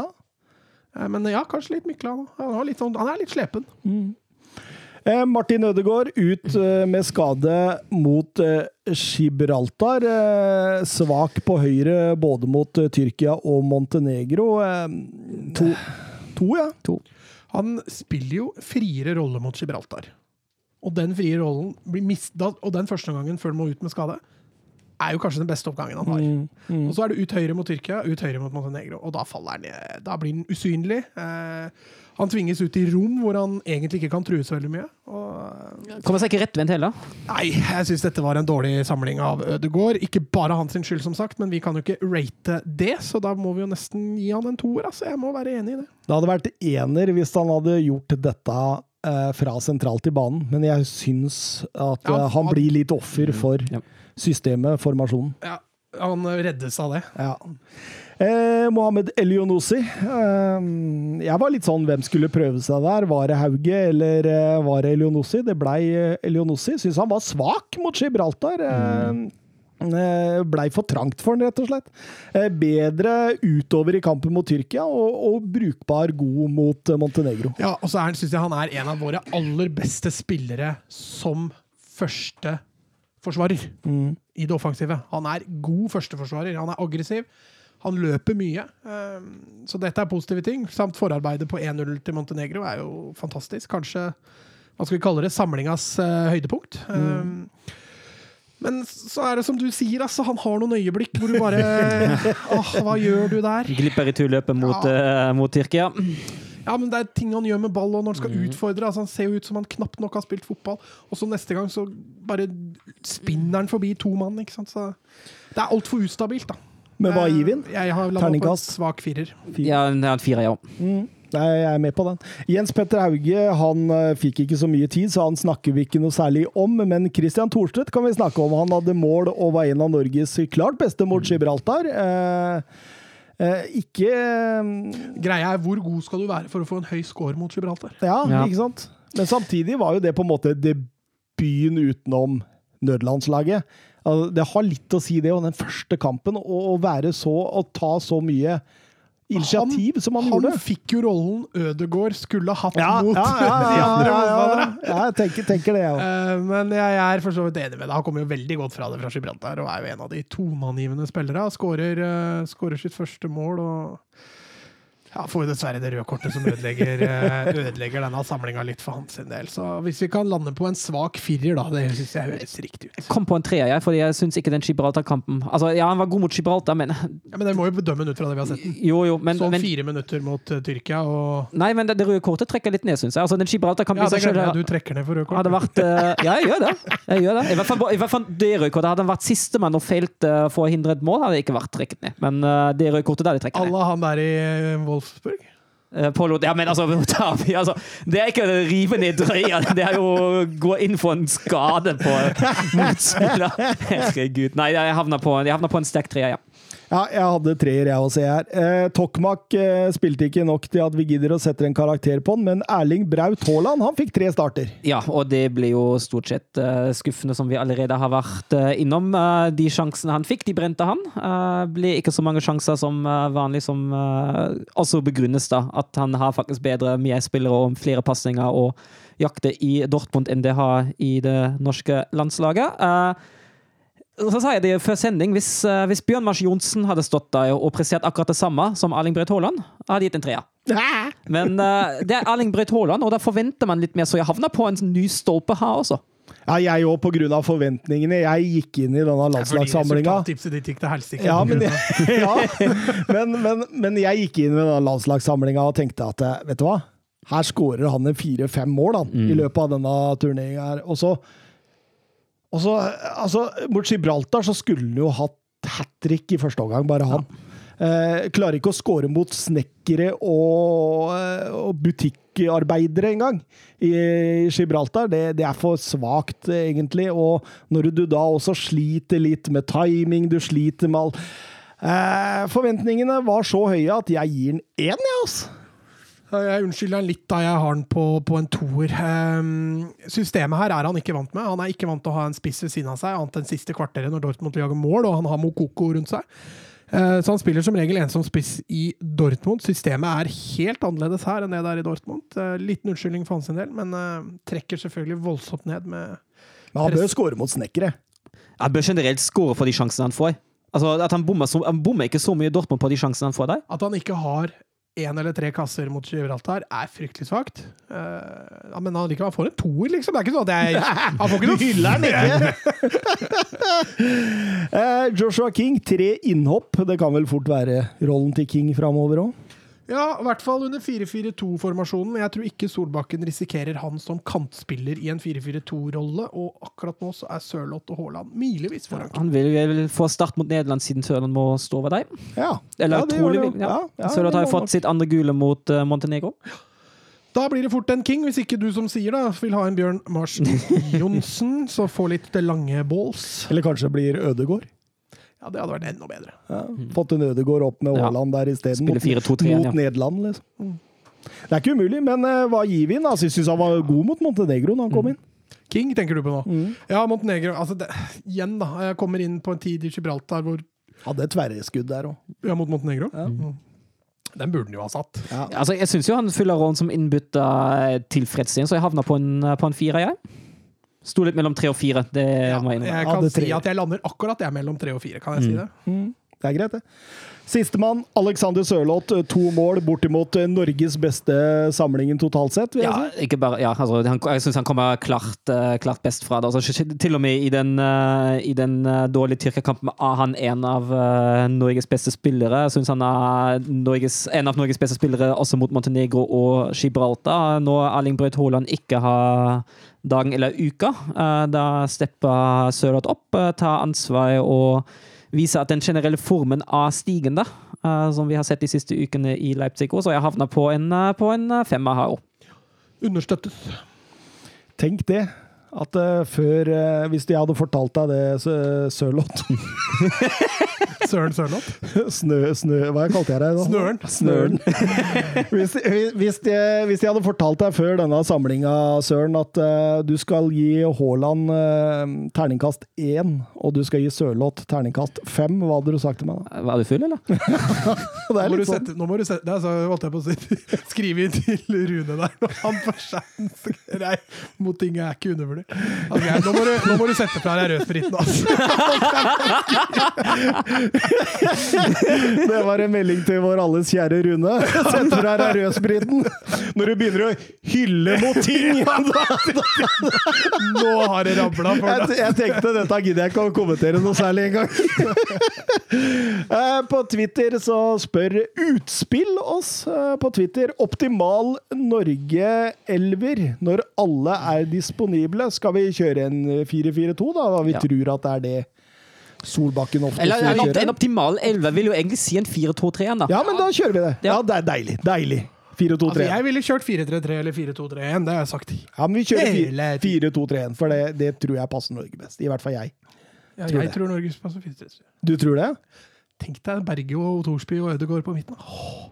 Altså, det blir jo samme konstellasjonen som 4-2-3-1, så vi kan godt bare kjøre det. Gjør ikke noe det. Altså. Men i 4-2-3 Nei, 4-3-3, da er Ødegaard borte, eller? Nei, indreløper. Ja, ok. Men der passa han jo ikke i Real Madrid. Ja, men for, man får en annen rolle. Ja, ok. Ja. Ja, ja. du gir ham en annen rolle. Ja. ja, men vi kan kjøre 4-2-3.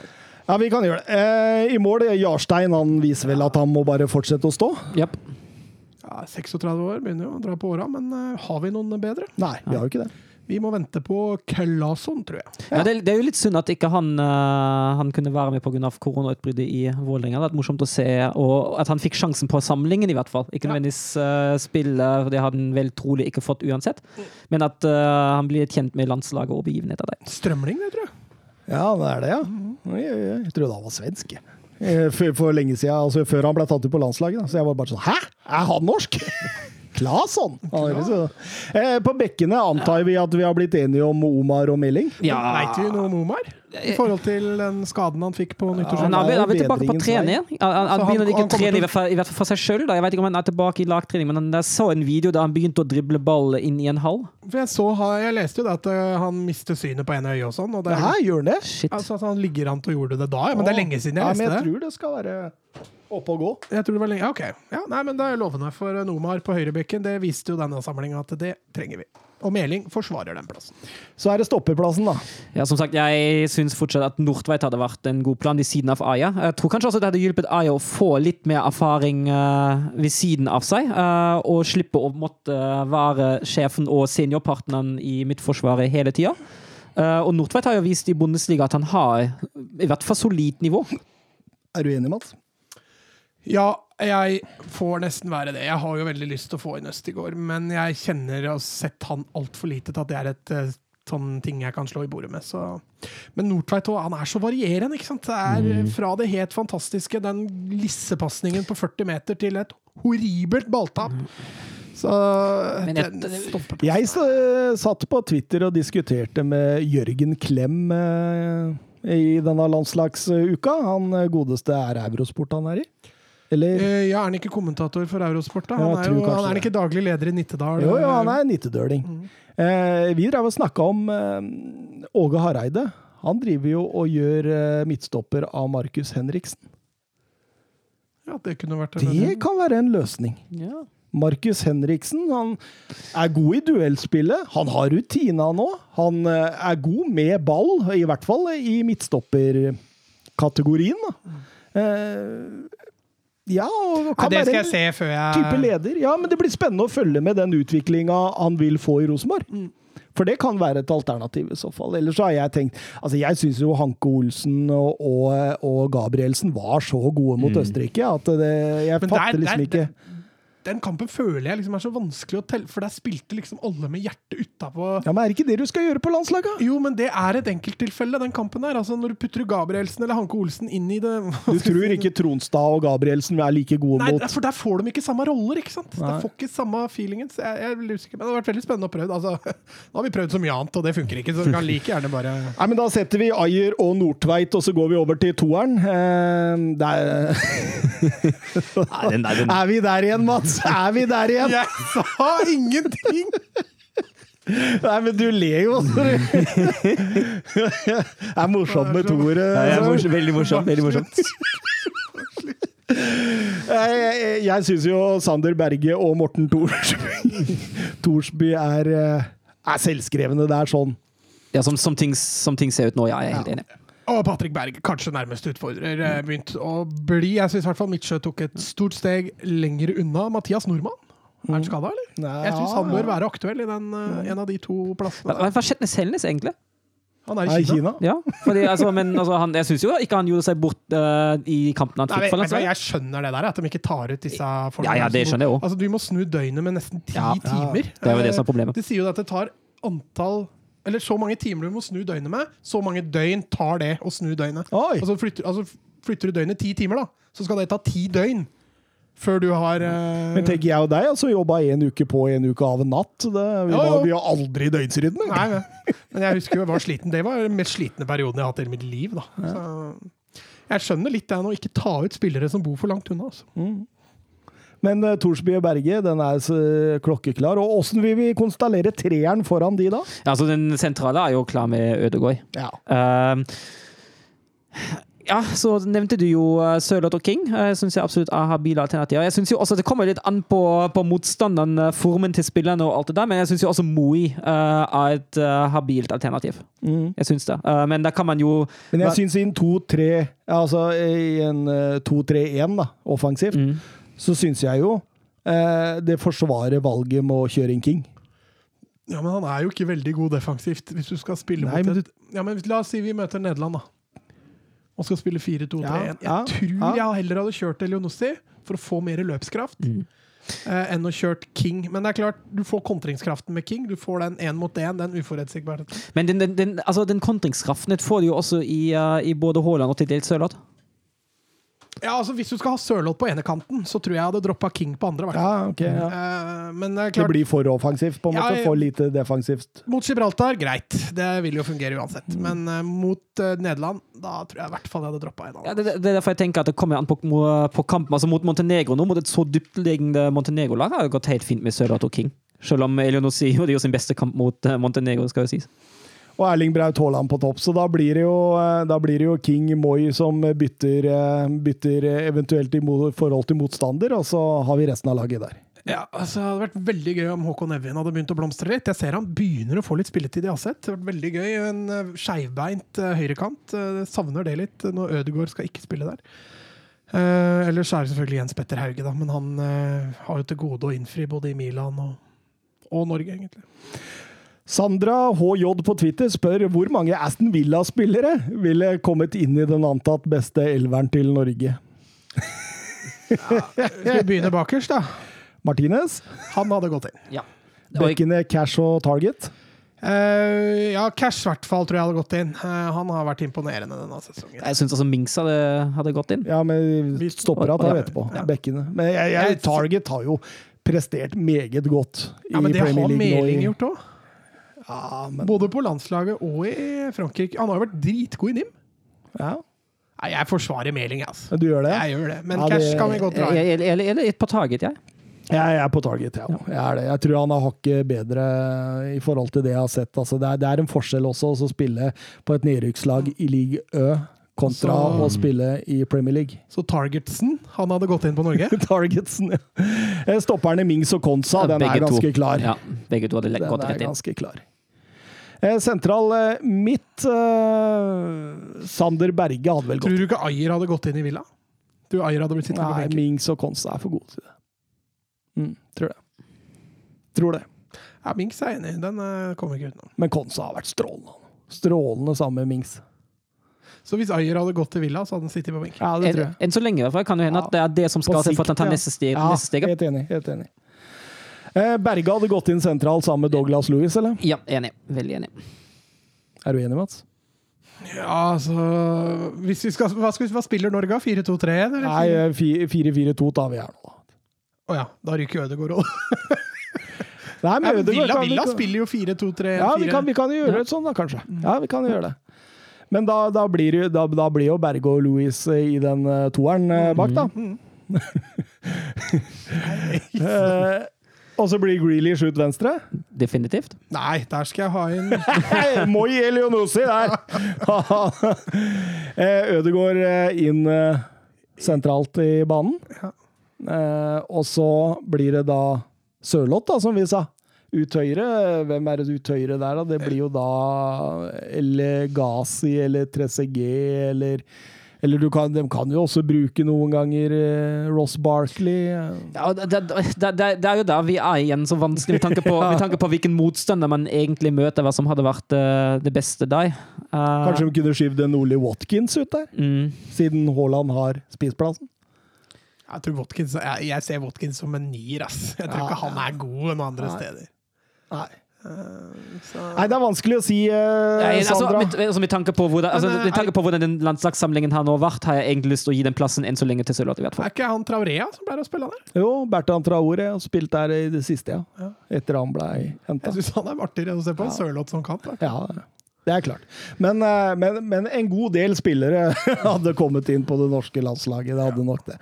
Um, Twitter igjen. Eh, Sander Midtstuen. Eh, hvilken av de store ser best ut, og hvem ser svakest ut i starten på denne VM-kvaliken? Svakest er to klare kandidater, og det er Tyskland. Eh, det er i hvert fall etter, altså, hadde det ikke Men vært definer de store først, da. Tyskland, Frankrike, England, Spania, Italia Spania, Italia, Nederland. Nederland, og, Bel Portugal. og Belgia og Portugal. Ja, Og Brasil og Argentina. ja, men de har ikke spilt. Ja, men de dropper vi. Ja. For der tar vi Europa nå. Ja. Ja, og de, har, og de Da ha det har vært utsatt. åtte, åtte Men, men, men, men eh, begge Altså, de er jo eh, Brasil leder vel foran Argentina, tror jeg. Ja. Eh, Brasil har spilt fantastisk fotball. Eh, Argentina har mer under Scaloni bare grinda ut resultater. Jeg tror de står med tre seier og én uavgjort.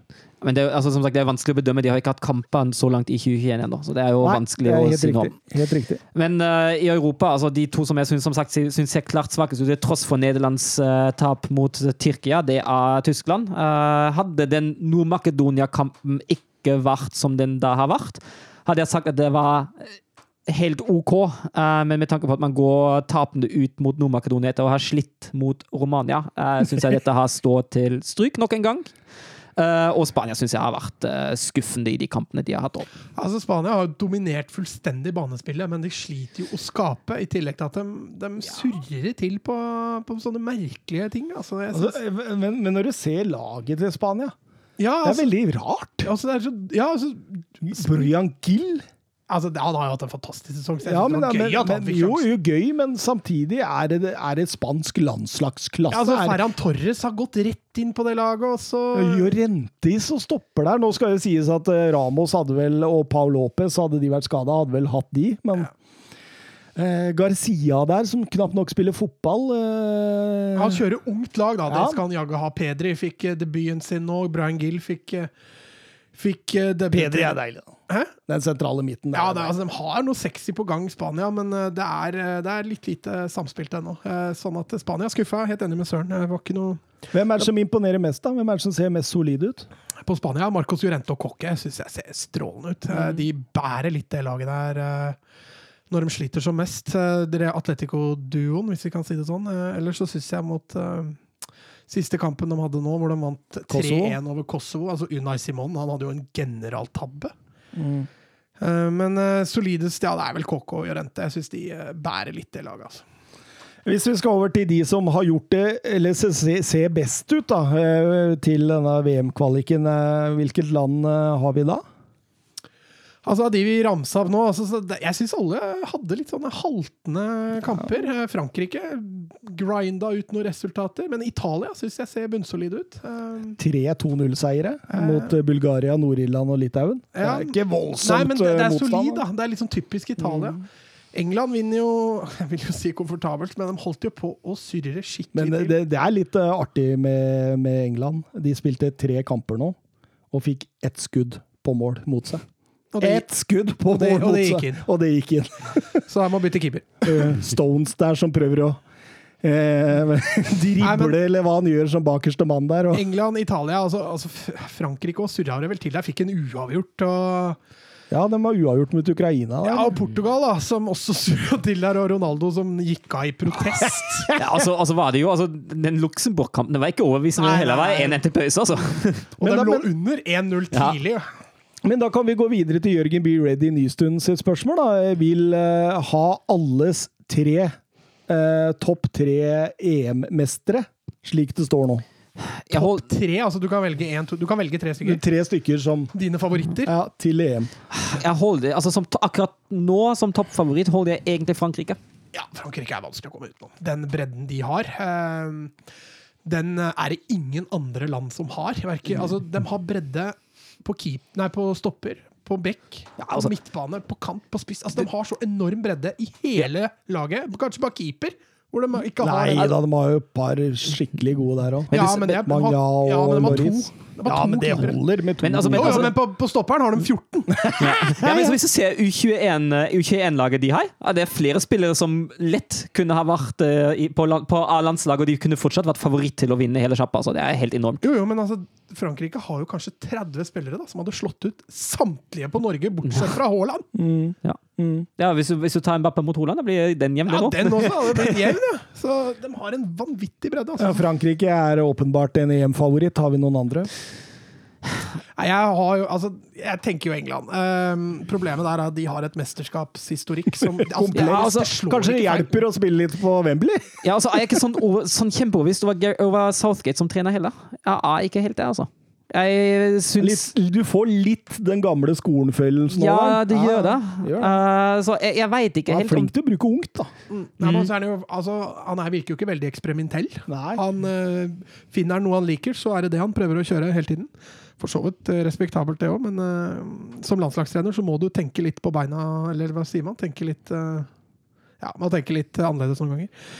Men uh, den bredden England har, det er vel noe av det nærmeste vi kommer Frankrike, tror jeg. Uh, I klasse og kvalitet og kvantitet. Så mm, England er, bør være en av favorittene, altså. Og så virker det som at de har blitt veldig solide defensivt. Det, det tyder jo også på disse tre kampene nå. De knapt nok slipper til et mål, egentlig, eller et Ja, skudd mot Motstanderen de hadde nå, det var San Marino Eh, Tyrkia Nei, ikke Tyrkia. Nei, nei, det er San Marino, eh, Polen og eh, Hvem var siste igjen? Albania. Ja, og Polen uten Lewandowski i tillegg, da.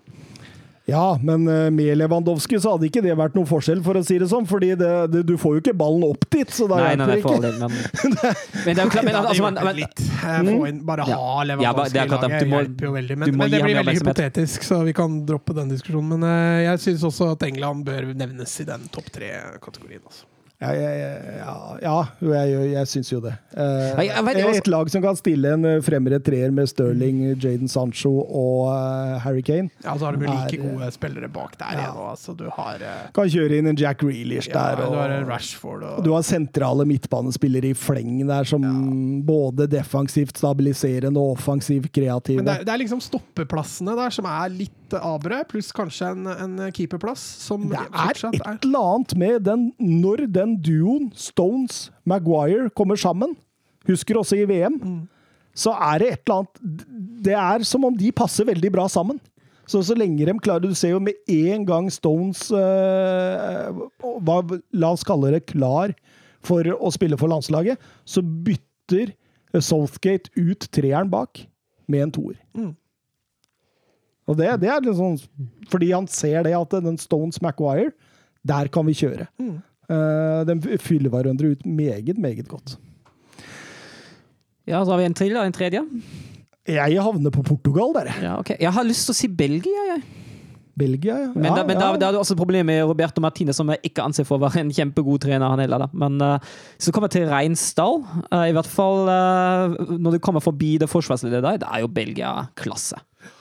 Ja, Tyskland, eh, Nederland, Spania uh, er altfor inna, inhabile, holdt jeg på å si. De er altfor uh, varierende. Så er det typisk tyskere å komme da når eh, Nei, er- mesterskapet jeg, jeg det er tror jeg, det, altså, det, det, det med nå i gruppa med Frankrike og Portugal. Det, er- der jeg innstilt på at det blir disaster.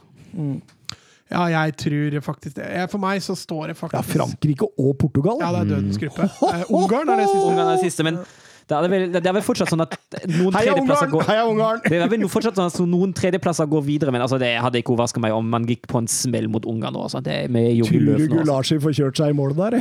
Ja, Dominic Saboslai må løpe sånn. Ja, hvis han blir klar, da. Nei, det står mellom Portugal og, og Italia, eh, men jeg tror nok også Portugal eh, heller mot dem. Det er mye talent i det Portugal-laget. Altså. Ja, Men jeg syns det er så overraskende. Han kjører font, ja.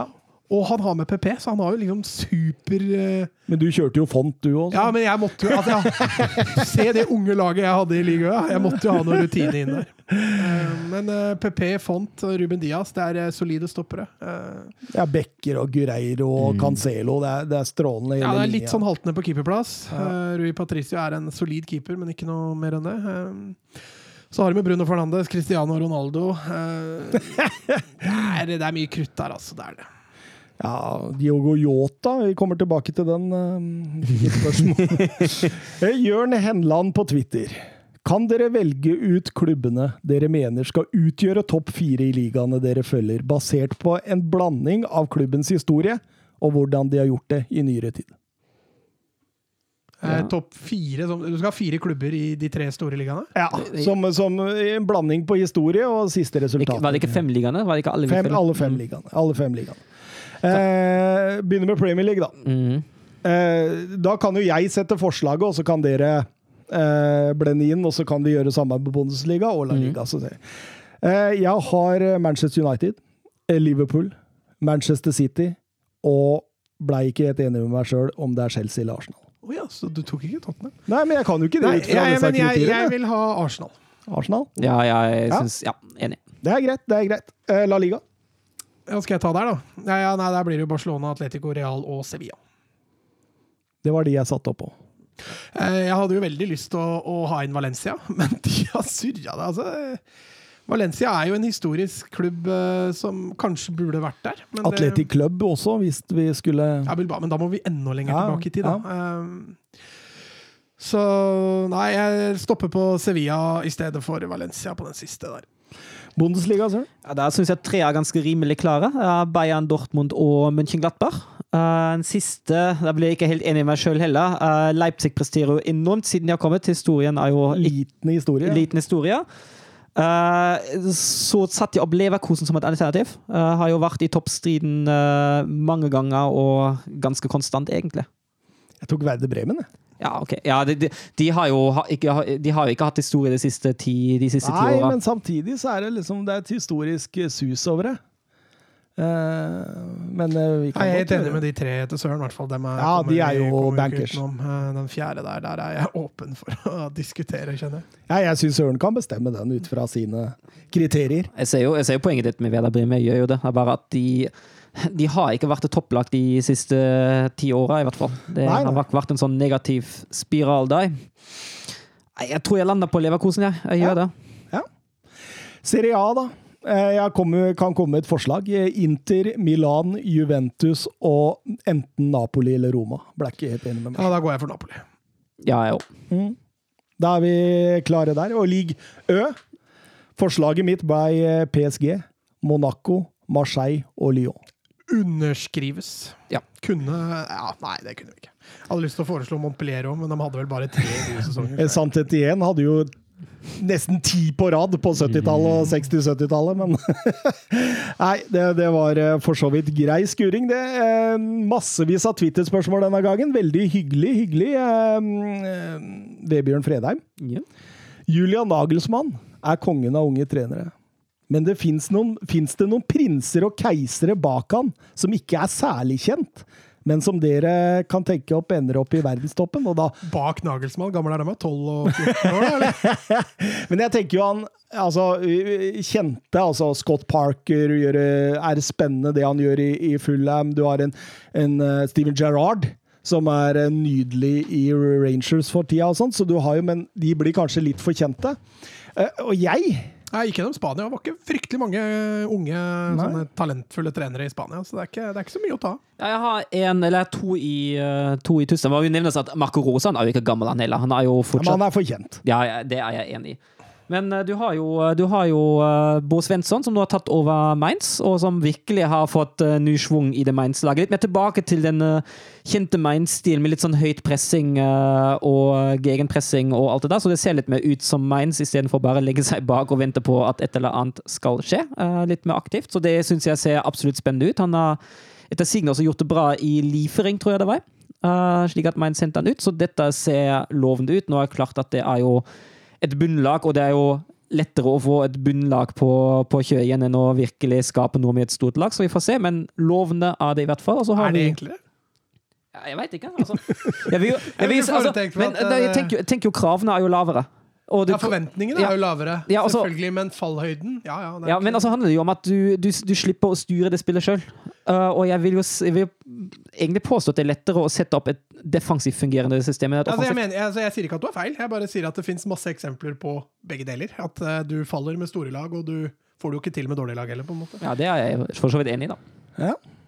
Men altså, i hvert fall, det ser, det ser lovende ut. Uh, Svensson, altså. Ja. ja, og så har vi uh, Ole Werner. Han er 32. uh, er for tiden sjef i Holstein Kiel. Uh, gjør det bra der. Uh, er på fjerdeplass i Bundesliga, kun ett poeng bak tredjeplassen, så er til de grader med i opprykksstriden. Har faktisk kasta ut Bayern München i cupen og spiller en sånn veldig variabel offensivt system. Egentlig en 4-1-4-1 som varierer med en 4-3-3, og mye variabilitet. Veldig spennende å se.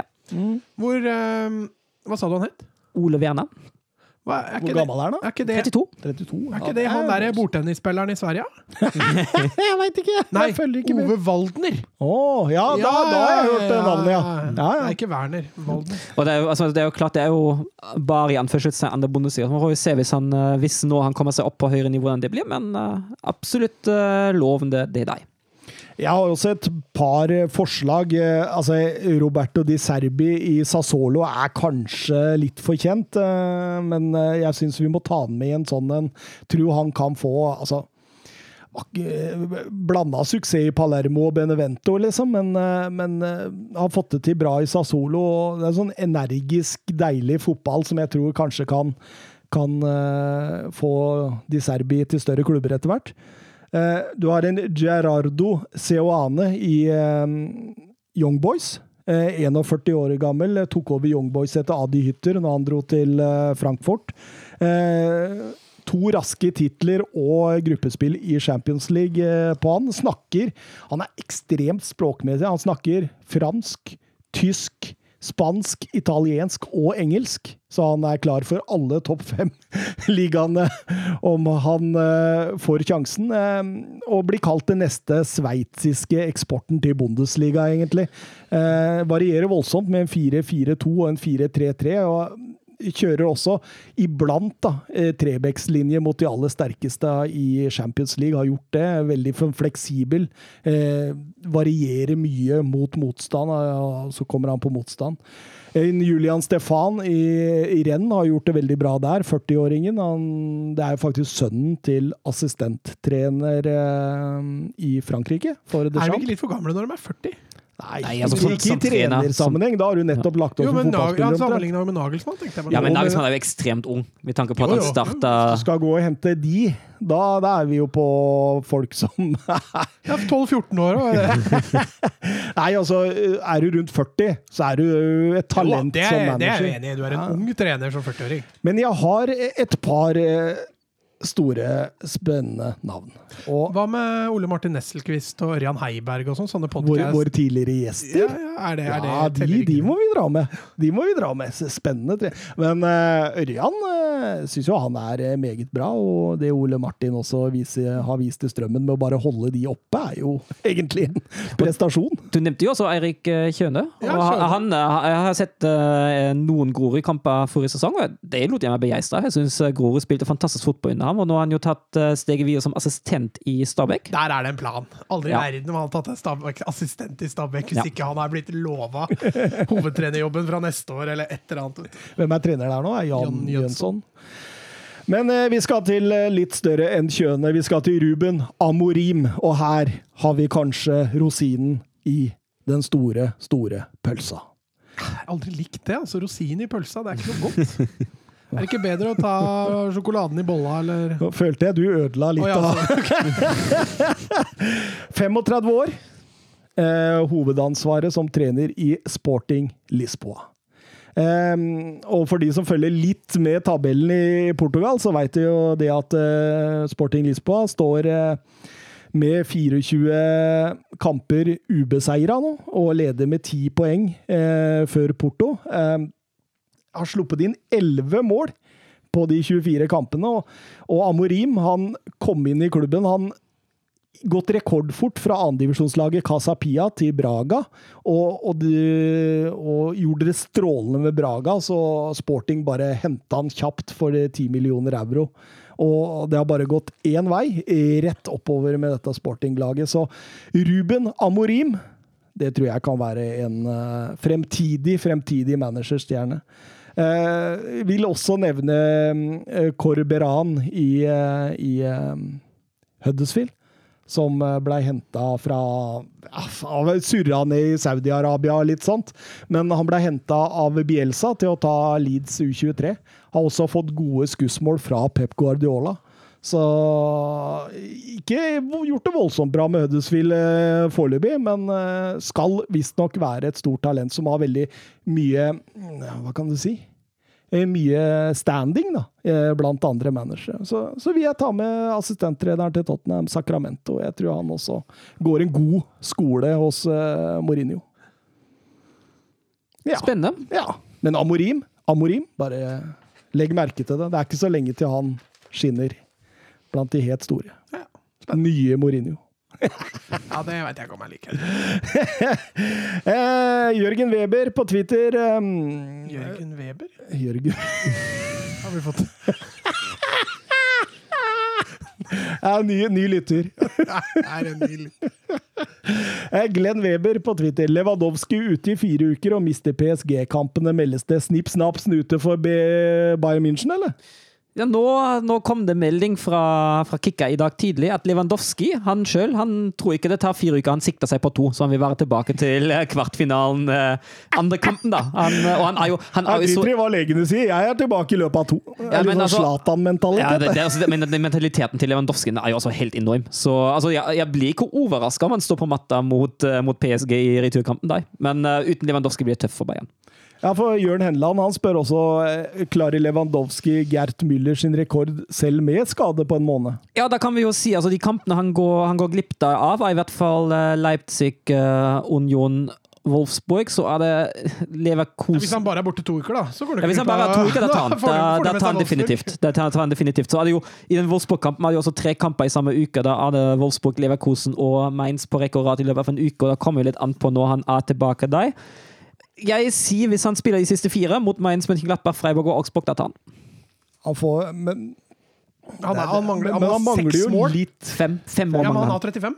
Ja, men altså, hvis han, hvis han tar skal slå rekorden, så må han ha seks. Nei, men da, da, lik vil jeg jo si å slå rekorden, hvis han får 40 av nå. Da slår han ikke. Da slår han jo ikke rekorden. Da, da får han lik. Altså, hvis, hvis Brasil har fire VM-trofeer, og så får Italia sitt fjerde, så har de jo ikke slått rekorden. Nei, men da er de lik med rekorden. Ja, så da har de rekorden. Men de har jo rekorden, de òg, da. Så sitter han og beføler seg på nipperen mens Nei, han nei, sier nei. Nei, det er Mats, ikke Å, ja. deg.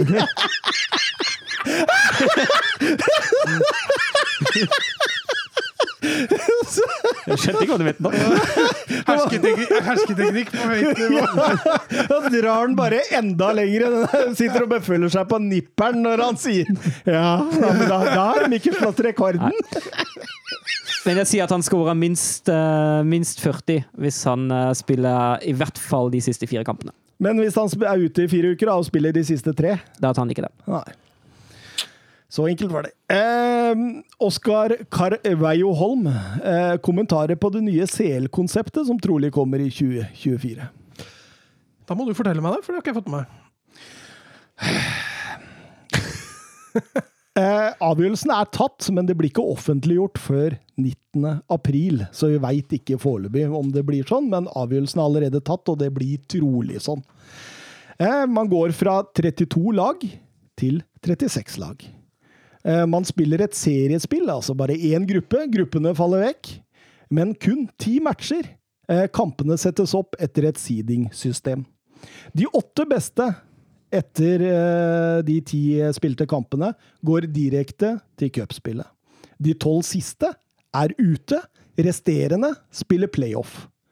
Eh, når playoff-vinnere er klare, vil de gå inn sammen med de åtte beste i et eh, sånt vi kjenner eh, fra før av, et cupspill.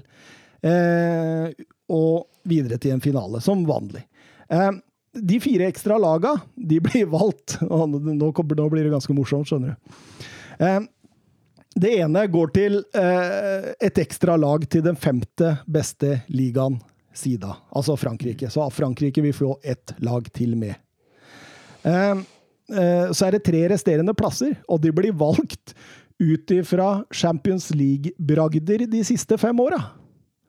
Så dette gjør altså Uefa for å sikre seg at f.eks. Liverpool ikke faller utenfor det gode selskap hvis de hadde kommet under topp fire nå. Så, så det er jo som en annen podkast jeg hørte på sa, at eh, sånn som det står i dag, så ville det blitt et ekstra fransk lag.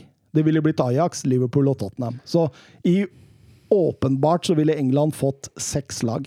Men altså, det virker jo Jeg veit ikke, altså. Det blir jo litt litt urettferdig at lag som ikke klarer å kvalifisere seg til uh, via ligasystemet, får de masse inntektene via Champions League likevel. Ja, jeg jeg syns det, er- jeg syns det er hårreisende. Bare for, for, bare for Ja, en god historie. Det høres uh, merkelig ut, ja. Jeg likte ikke det i det hele tatt. Jeg hørte faktisk. Nei, ikke jeg heller. Altså, og så tenker jeg også det at hvorfor gjøre noe om på ting som fungerer så bra som Ja. det gjør i dag? Ja, Det er samme de driver nå med VM og EM, og alt handler om cash og penger og få inn mest mulig av for det blir, det blir kanskje fem millioner kroner mindre i inntekt når Real Madrid en gang skulle være utenfor Champions League. for Uefa. Altså, Ja, og det er nettopp det, at eh, nå vil de alltid sikre Real Madrid en plass, uansett hva de gjør Og- i La Liga. og som sagt, det syns jeg blir så feil. Altså, det, det kan i praksis bety at Liverpool rykker ned fra, fra Premier League, og så får de spille Champions League likevel. Ja, ja, det kan kan i praksis bety det. Det kan i praksis bety det. Ja, nei, det hørtes ikke bra ut. Men eh, du skjønner jo at Uefa her eh, har et svar på Superligaen nå, da. Denne såkalte Superligaen som har prøvd å bli pressa gjennom av, av dette klubbenes representanter, eh, med han der, hva heter det, Agnonelli i Juventus som første Altså, det også- hærfører. Altså, det er sånn spørsmål hvordan decidingsystemet blir også. Uh, fordi som det er nå, med decidingsystemet vi har med gruppespillet, da har jo de små lagene en sjanse hvis de presterer godt mot et av de store, da. Uh, men hvis du da plutselig presterer godt mot Real Madrid, og så får du Barcelona, Juventus og Manchester City de neste tre kampene, da har det nesten ikke noe å si. Da kommer du deg ikke videre uansett. Nei, og så er det litt sånn, Hvis gruppene blir større, så er sannsynligheten også mye mindre for at de får en outsider. da. Så du får, du får ikke sånne eventyrhistorier med Ajax nødvendigvis igjen, da. Og det er litt trist. Altså, altså det, jeg, jeg er ikke fan av et ligasystem hvor ikke alle spiller like kamp mot alle. jeg er helt enig. Det syns jeg Jeg er er helt enig. Og det der playoff-systemet skulle vel også Du skal også gå ut etter eh, seeding, så at eh, den som var sida da eh, som nummer ni, skulle møte den som var nummer 16, og sånn, ikke sant? Så det, altså, altså Hvis man Så det- så- det, da er det bare de store lagene som dette har Ja, ja, så det er jo de store lagene som får eh, vi får- fordeler her, og de store ligaene får eh, bli, Så- bli, så vi- Det blir enda større gap til Ja. de mindre ligaene. Og Uefa får enda mer penger i kassa Og enda større gap innad i ligaene også, fordi vi absolutt trenger at Juventus og Bayern tar sitt 15. seriegull på rad. Og kommer det et par store klubber til, som la oss si for eksempel hvis eh, Newcastle blir kjøpt opp av Er ikke det bekrefta? Ja, hva da? At Newcastle er kjøpt opp? Er de kjøpt opp? Men ikke av arabere, eller? Jo, men det var en sånn konsert. Oh. Jeg har ikke jeg, fått med leste meg det det. på Twitter. Oi, Jeg leste det i natt. Det kan Oi, hende at det er aprilsen er 1. april. Ja, det kan hende, ja. Ja, det tenkte jeg ikke på. Ja, det er jo det i dag. Mm. Oi! Mats, se bak deg. Der er det trehoda Dere trodde dere hadde ti spørsmål i dag, i stad, men det hadde dere ikke. Nei, det kommer nå! Det var Men, eh, men eh, det er jo Uefa her som har regien. De skal pumpe inn mer penger, og, og det blir jo Det er vel sånn fotballen bare blir, da. Men, men, men samtidig, som jeg var inne på, at hvis de sikrer seg, da, for hvis Newcastle blir stor etter hvert nå, kanskje eh, det blir et nytt Leipzig i Tyskland og sånn, så kan de bare, pga. dette seriesystemet, så kan de bare flette på. De kan bare flette på flere og flere lag inn i dette seriesystemet. Det er en såkalt sveitsisk modell, ikke sant? Den der, som Altså for, for, for å få på en to-tre lag eh, til ekstra i f.eks. et VM-sluttspill, så må jo hele greia altså det, Alt må klaffe for at det treet skal fungere, og at det to skal til slutt. ikke sant? Eh, I EM så ble det vel et eller annet sånt om at det best, to beste treere gikk videre og sånn. Det får man ikke her, ikke sant? For her er det mye lettere å bare putte på mer. Eller, eller dra fra ettersom man vil sjøl. Det er mye mer kontrollerbart, og det tror jeg Uefa vil liksom ta enda mer makt over. Ja, nei, det er trist. Det er jeg enig i, men vi får se, da. 19. april så skal vi få svaret. Petter Støvland, hvor redd er Thomas for at Harry Kane og City-ryktene? Åpenbart at City har eh, Erling Braut Haaland og Kane på lista si, og jeg er eh, meget redd. Jeg tror kanskje dette kan være sommeren han går. Ja, Han blir 28 år til sommeren, og han har ikke vunnet en gyngehest med Tottenham engang. så Ikke en gyngehest engang! Han har vunnet noen gullstøvler og litt sånt for seg sjøl, men eh, Nei, jeg er redd for at han eh, tenker nå at eh, hvis jeg skal vinne noe, så må jeg videre. Det tror jeg er en fornuftig tanke av Kane. Eh, jeg tror ikke han vinner noe med Tottenham. Eh, Ja ja, de skal jo gjennom en ligacup nå, hvis man regner det å vinne noe, men eh, Jeg tror ikke det er det som tar jeg, jeg tror ikke det avgjør om han blir eller ikke, nei. Eh, Men jeg så også Haaland var på samme lista, var det ikke det? Så jeg tror ikke de kjøper både Kane og Haaland. Det gjør de jo ikke. Så her, og Aguero er vel bekrefta nå at er ferdig. Så det blir eh, Kane eller Haaland. Jeg tror også at City følger ganske nøye med hvordan Dortmund gjør det i Bundesliga, om de kommer seg til Champions League eller ikke. Haaland blir fort eh, 200-300 kroner. 200-300 kroner eh, 300 billigere, kroner billigere. Ja, altså, altså, kan det, altså kan det fort hende at de må selge Haaland, da. Fordi, altså akkurat hvis man da, eh, Jo, men Dortmund i Champions League kan selge Haaland for 1,2 milliarder. Dortmund i Europaligaen må selge Haaland for 800 millioner. Ja, det er, altså det, er- det, er jo, det er jo litt det, og så kan man jo Dortmund har jo vist seg å være hardnakka med Sancho.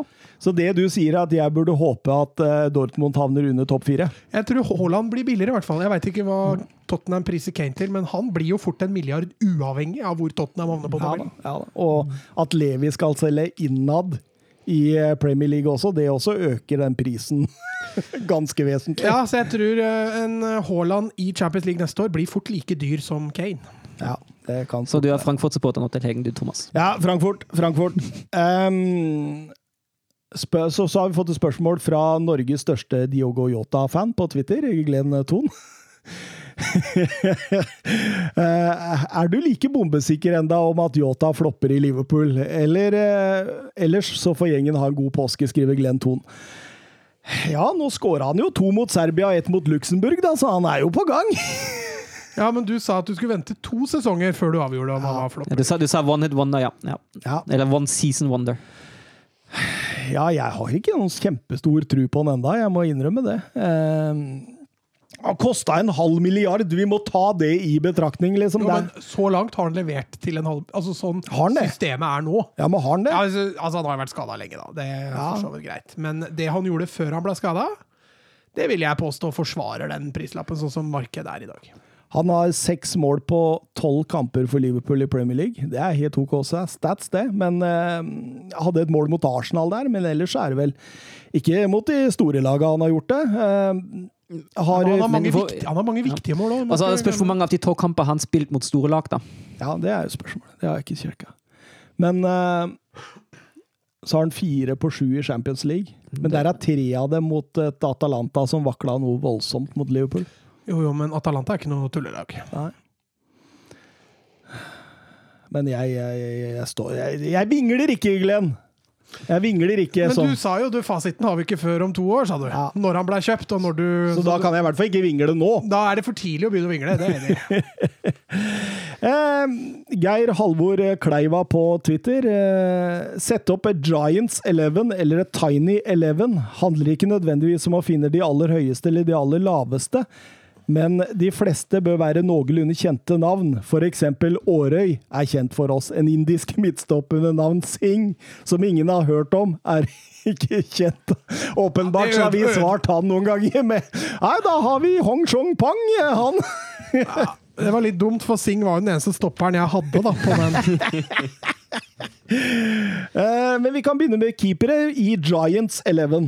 Ja. uh, vi har jo en som heter Christoph van Hout på to meter og åtte centimeter, som jeg er ikke sikker på om han er kjent nok. Uh, Nei, han er ikke kjent. Nei, altså Da tenkte jeg at Thibaut Courtois med sine to meter er jo et godt alternativ. Men, men skal vi ikke over tometeren på keepere? Altså, det var den mest kjente med tanke på høyden som jeg fant. da. Jeg fant noen mindre kjente som er over to meter òg, men med tanke, så med tanke på kjennskap og høyde Ja. om hverandre, da havner Du jeg har på Frazier Courtois. Forrester i, i Southampton på 2-0-1, og så har du jo den gode gamle Manchester City og Sunderland-keeper eh, Pantilimon, Ja. som nå er i Tyrkia. Han er 2-0-3 høy! Jeg også hadde Courtois. Ja. Nei, men vi kan godt ta Courtois for å få dette altså, Vi Han ha skriver jo at det var ikke liksom. nødvendigvis de høyeste man burde ta. Men vi sånn, går for kvalitet også, eller? Ja, det kan vi Det er liksom ikke høyde Jo, høyde må kanskje være pri én, og så kvalitet. Uh, ja, høyde, kvalitet. Jo, men uansett, da, så lander jo på For Courtois er Ja, fortsatt det- eh, giant. Ja, ja, for all del. For all del. Courtois i mål, men da har vi ikke runda tometeren. Det irriterer meg. Men uh, høyrebekk, Søren? Ja, da måtte, var jeg nødt til å flytte ut en midtstopper. Det gikk dessverre Altså, jeg fant ingen sånn kjempekjente høyrebacker som var høye nok, så jeg har valgt Niklas Sule. Han er jo uh, han, er jo, han ser jo ut som en kriger òg. Han gjør jo det. Han er jo et beist. Og han spiller jo en del Han er eh, et beist, ja, det er ingen tvil om. han, Det er eh, helt riktig. Han er litt skummel å møte, Ja. tror jeg. Han, eh, han spiller jo en del høyreback med eh, varierende suksess, for å si det mildt. Eh, Men han har 1,95 eh, og en kraftpakke, så jeg syns han forsvarer den plassen der. Vi kan flytte den inn som midtstopper òg, og kjøre Martin Kelly fra, fra Palace. Palace, ja, som eh, var i Liverpool. Eh, 1,91 høy. Det er ganske brutalt, det òg, for å få Da får man Syli inn sentralt. eh, Jeg fant to så- andre sentralt, da. Ja, du gjorde det? Ja. Jeg er litt enig der, ass. Kjør Syle ut litt mer kjent. ja. Det er greit. Eh, Venstrebekk. Ja, da hadde vi jo en liten Dan Burn! Ja, jeg gikk faktisk for Dan Burn. Dan Burn! Ja, jeg gikk, jeg gikk for Dan Burn Det er så 1,98. sjukt, det. Vi hadde en liten diskusjon. Han har jo spilt en del venstrebekk. Ikke en del, er kanskje å ta i, men uh... Han er primært midtstopper, så har vi åpenbart funnet ut da, at han har blitt skyvet ut på venstre vingbekk og venstre bekk innimellom. faen, det er mye fyrtårn som skal opp og ned den sidelinja. Altså. Men, men nå har vi argumentert for Syle og eh, Courtois for kvalitet, og så skal vi sette Dan ja, Burn Hvilke alternativer har du der, da? Marcos Alonso, Hvor høy er han, da? 1,88. Ja, men den børen er jo 10 cm høyere. Ja, men da kan vi putte han inn som stopper. Men da fant jeg to høyere òg. Ja, nei, jeg skal ikke få noen av han. uh, men uh, ja, få høre stopperne, da. Jeg gikk for Mertesaker Vestergård. Westergård, ja, han er 1,99, er han ikke Ja. det? Men Mertesaker, er der var han, er ikke han lagt opp? da? Ja, men Men jeg ikke syns at han så så skranglete ut, jeg, Mertesaker. ja, men altså, Han ble jo kalt for Big Fucking Germany i Arsenal. Hvor høy var han? 1,98. Ja, ja. Van Dijk, da? Nei, han er ikke Han er 1,92,3 eller noe sånt. Ja, så du skulle jo ha inn en på 1,89, da. Ja, men det var av å få ned en rein venstrebekk inn. For det, er- det fins ikke så mange reine venstrebekker som er over 1,80, egentlig. Ok, ok, ok. Ja, nei, hvem, hvem er det du har der, da? Ja, Dan Byrne og Jannik Westergård, ja, altså. Så Westergård er safe, i hvert fall. Westergård er safe. Westergaard er safe. Ja. Uh, Og så Alonso på venstrebekk og Burn på stopperen. Det er fryktelig dårlig stopperekke. altså. De er store, da. Det er ikke mye bedre med Mertesaker, da. Det skal Nei, det er nok ikke det Ja, Nei, du får ta valget, Mats. ja, nei, da lander jeg på Mertesaker og Burn på venstrebekken. Burn på venstrebekken, ja. Ja, ja, ja. Sånn kan det gå. Skal ikke få noen, du, Thomas. Nei, Jeg nei, nei, nei. bestemte meg for lenge siden. Jeg gir opp eh, høyrekant. Dere får bare ta dette videre. Jeg, Du får ikke noe å si. jeg, jeg, jeg bør ikke nevne alternativene mine. Kommer jo ikke med uansett. Så. Ble du furten, eller? Nei, nei, nei, nei, nei. Nei, Jeg ser bare på det som humor.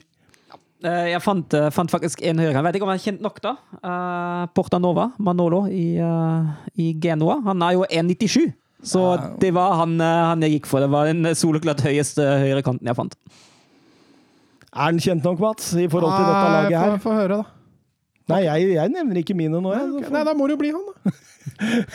Nei, jeg fant bare Moussa Sissoko, jeg, som kan brukes på høyre bekk der. Han er jo en Nei, Høyrekant? Han er jo et beist. Hvor høy er han, da? Han er bare 1,87, men han er jo et beist. Men han er jo mye bedre enn eh, Manolo. Ja, han er det. Så vi kan, jeg, hvis jeg må velge mellom en av de, så kjører jeg Sissoko. Mats går rein på kvalitet. Ja, ja, ja, ja, men jeg må jo skille dem på Han, han tar eh, høyde. Nei, men greit, det. Moussa Sissoko han er jo et beist. Ja, han er jo det. Han jo rettferdiggjør plassen eh, i fint, det eh, laget kjøre inn der. Eh, Venstrekant. Ja, Da måtte jeg skyve en ut. Uh, gikk for Paul Pogba. Han har jo vært en del på venstrekant i United og 1,91. Uh, og kvaliteten er jo også absolutt der, så jeg tenker at Pogba er et greit alternativ der. Han er jo også fysisk beist. Jeg gikk på litt høyder. Jeg fant Janusai på 1,86 og Aubameyang på 1,87, liksom, men de er jo ikke noe beist. Nei, da høres Pogba ut som et uh, rimelig alternativ. Ja. Ja, Jeg syns det den er grei. Eh, Sentral midt, da. Eh, vi kan jo ta, starte med Sander Berge på 1,95. Ja, Som jeg syns, oh, yes. som jeg syns er fint å ha med, ha med på Han er jo et lite beist. ja han er det. Han er det. Uh, Lite beist. Ja, Stort beist. og hvis vi går til hvis, hvis, hvis, lite beist. og hvis, hvis, vi tenker litt, hvis vi tenker litt på kvalitet sammenkobla med høyde, har jeg nesten så å si Scott McTominay på 1,93 ved siden av Sander Berge. Den midtbanen er slitsom å møte, eller? Nei. Men jeg tenkte på Søren sin favorittspiller Uros Rasic. Ja, Ja, han er er jo- 1,93 høy. Oh! Kan godt gå for Racic òg. Ellers har du Steven Nsonsi, da. Ja, 1,96. Han er jo en gigant. Matic, Matic på 1,94 òg. Nei, han stryker vi. Han er ræva. OK, Mats. Eh, Nei, da er jeg alltid en fan av en sånn si. Hvem var det den andre du sa? Eh, Det var McTominay. Racic eller sånn. Racic var min. Uh, nei, var jeg- til ære for Søren. Nei, da tror jeg faktisk jeg går for en sånn si, altså. Da blir det Bergo en Nsonsi, Ja, da. den midtbanen er slitsom. Da går vi til angrep, da. Da har vi jo mye å velge mellom, så det, og det handler jo Hvorfor tok ingen av Jostein Flo? Uh, hvor høy er han? da? Er ikke han 1,95 eller noe sånt? Ja, man holder ikke på Ja, du tenker På på, høyre høyre, kant? høyre kant? Ja, det kunne vært Altså. Dan Burn slår disse Bjørneby-ballene over på Så blir det Burn Flo-pasninga. Ja, Hvor stor er hvor, Han var jo et beist! Han var beist, Ja, ja! ja, ja. Det holder at én googler høyden til Jostein Flo her. For eh, Men, eh, men artig tanke. Ja. Eh, Jostein Flo var jo det, det var ikke mange 1,92. Oi! Det var litt, det var litt Ja, ja, Det var litt nedtur. Litt nedtur. Husker han som 2,20 eller noe sånt? Ja, det var litt nedtur. Ja, Nei, da det. det. Nei, da kjører vi Sisoko. Ja, da er beist. Altså, og, og på, på topp, altså, Det er jo flere man kan velge. Men jeg, jeg falt for den fristelsen å velge to spillere som først og fremst var kjent for sin høyde. Det var Peter Crouch og Jan Kolla.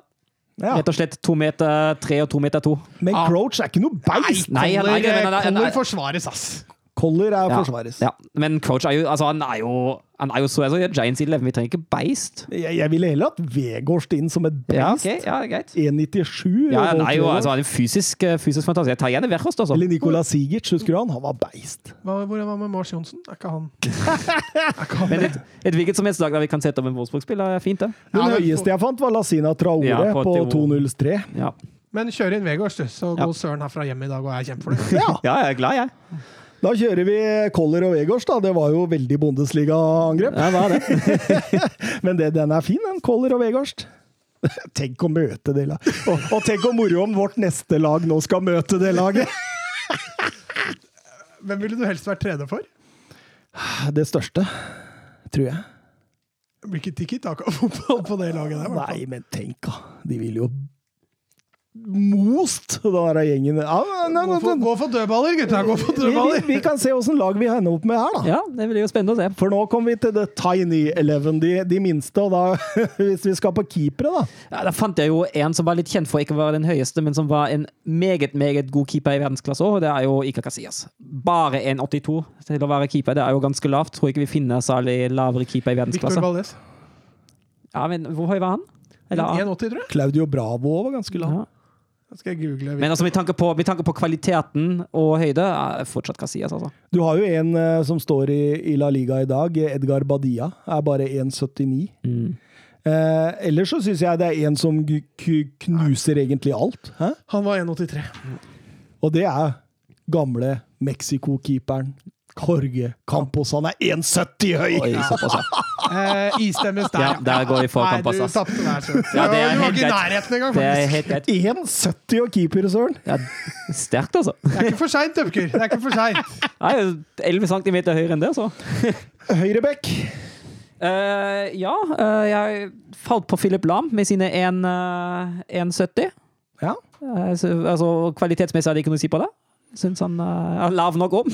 Min, eh, min er seks 6 cm lavere, men ikke like god. Eh, Tariq Lamptey, med Ja. wingbecken på, Ja, på Brighton, er 1,64 høy. Da, er, da rager du ikke høyt over eh, bakken. Nei, men eh, hvis vi går for høyde, så blir det jo Lamptey, da. Men går vi for kvalitet, så blir det jo Lam. Ja, og du, du har jo stort sett bestemt deg for kvalitet. Det er helt riktig. Så da blir det, det blir Lam. det blir Philip Lam. Eh, Venstrebekk. Ja, da kunne jeg satt opp Lam om. Jeg kan ikke klone den, men Ja, vi setter nei. En, altså, hvis vi, altså, vi tanker på litt kvalitet, uh, kanskje litt for høy for det laget her, til og med med Marcello med sine 1,74. Da vil jeg heller kjøre Lamp til høyre og Lam Ja, venstre. vi kan, vi kan, ja, Ja. enig. Enig. Sexy. enig. Sexy. Det blir bra. det blir bra. Eh, Stoppera. Ja, da var det jo uh, to som kanskje skilte seg litt ut. Cannavaro med sine 1,75, var det vel, og Puyol med 1,78, men som uh, så ut til å være 1,95 hva kamp han spilte. Jeg har dratt den enda Jeg har Canavaro med, men jeg har dratt eh, den andre midtstopperen enda, enda lenger ned i høyde. Ok. Eh, Det er eh, stopperen som spiller til venstre i trebrekkslinja til Westham, og da veit dere jo hvem jeg tenker på. Aaron Cresswell. Ja. Han er 1,70 høy. Men er ikke han mest venstrebekk? Han er i treeren. eh, Venstre i treeren. Så, men hva er treeren? Er det munn, det, Mats? Jeg bare tenkte Nei, jeg skal ikke si det. Ja, Vi begynte å, sa- vi begynte å smile. Altså. Ja, men jeg sa, jeg sa ingenting! Thomas har tre, Mats bare Oi! Og da kommer det dumme spørsmålet til Mats. Vil du ha Cresswell eller Pyol? Ja, I treeren, eller?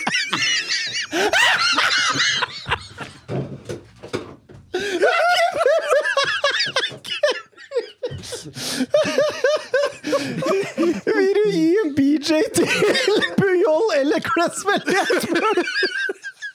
Det er spørsmålet her! Nei, da Nei, da tror jeg det blir Pujol. Jeg tror han er Jeg tror han er mest følsom.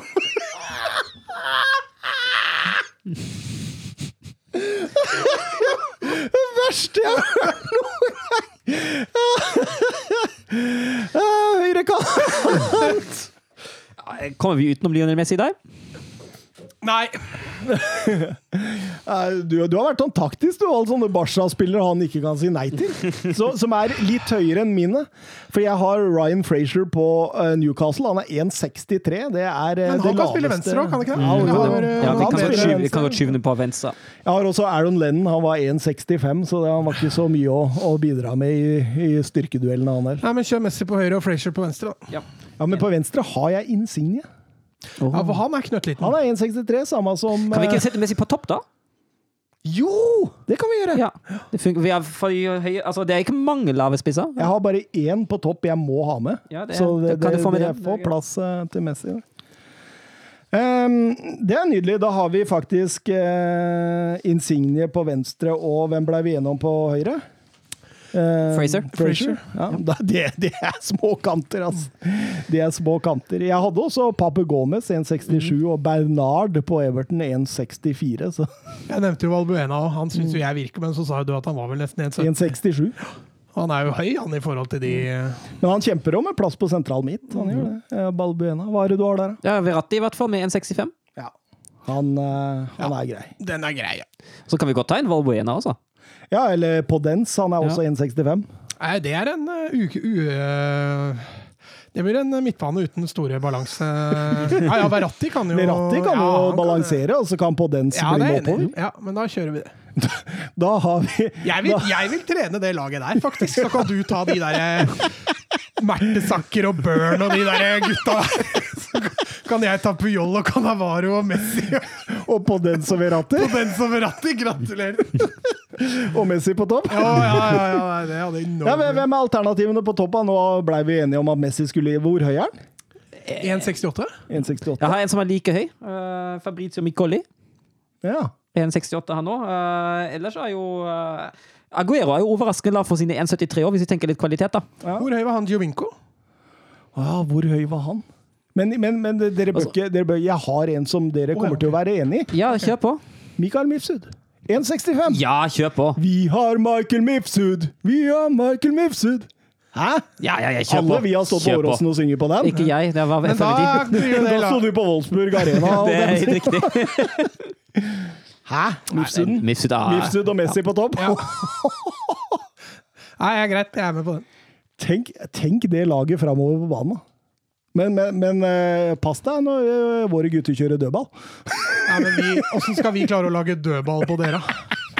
Vi kommer jo bare til å løpe og dette når vi treffer dere. Eh, Fantastisk. fantastisk. Nei, det var artig, artig spørsmål, egentlig. Og mye morsomt som kom ut av det.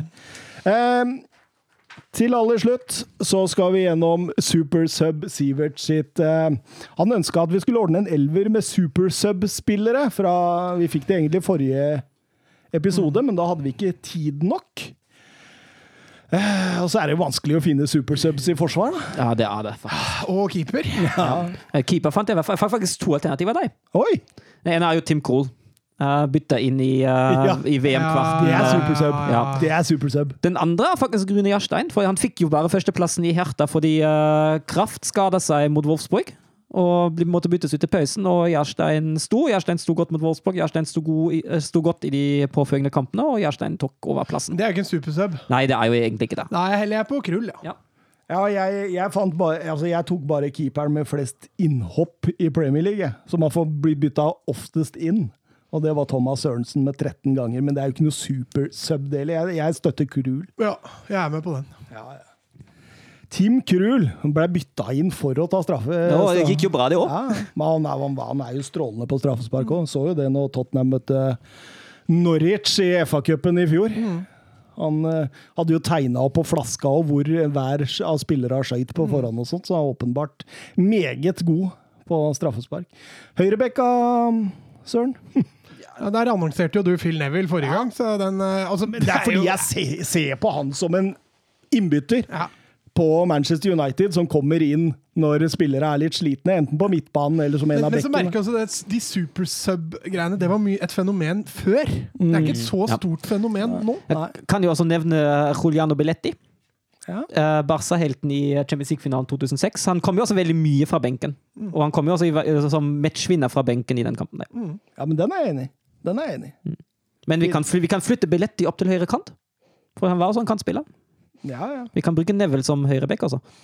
Jeg er ikke Jeg bør ikke krangle inn Phil Neville, jeg. Nå får du vilja di, Thomas. Endelig. Ja, men det er greit, det. det er greit. Da får vi noen problemer opp på høyrekanten? Nei, for så vidt ikke. For så vidt ikke. Venstre Venstreback? Gareth Bale. Ja, ja. Supersub kom inn i Champions League-finalen. Avgjorde der. Og så kom han jo veldig mye fra benken òg.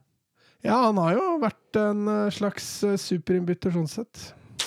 Forbinder jo han først og fremst med fast, da. Men uh, har du noe bedre alternativer? da? Nei, jeg har bare Wayne Bridge, jeg, for han var uh, Han blei uh, most av John Terry og og, og satt mye på benken for Ashley Cole. Syns Var ikke på- kona hans eh, Terry Moste? Jo. Det var vel ikke Wayne Bridge? Men, men, men Ashley Cole han moste den også. Det ble mye benkesitting på Wayne Bridge. Ja, Kom til Chelsea der og ah, fikk mye innhopp på grunn av Det var jo en stor, stor eh, stjerne. Eh, Kom aldri til sin rett av Cole. Eh, Blei også bytta mye inn for engelske landslaget, så vidt jeg husker. Så nei, men jeg bør ikke kjempe inn Da får du jo du med Bale, da. Det er litt Ja, det, det er litt fint. Det er fint. Ja, men vi, vi setter Bale.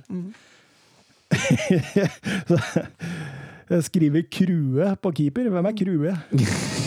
Krull! Krøll. Krull. Eh, Stoppere. Jeg fant én, faktisk. Var, og det er Jamie Carragher.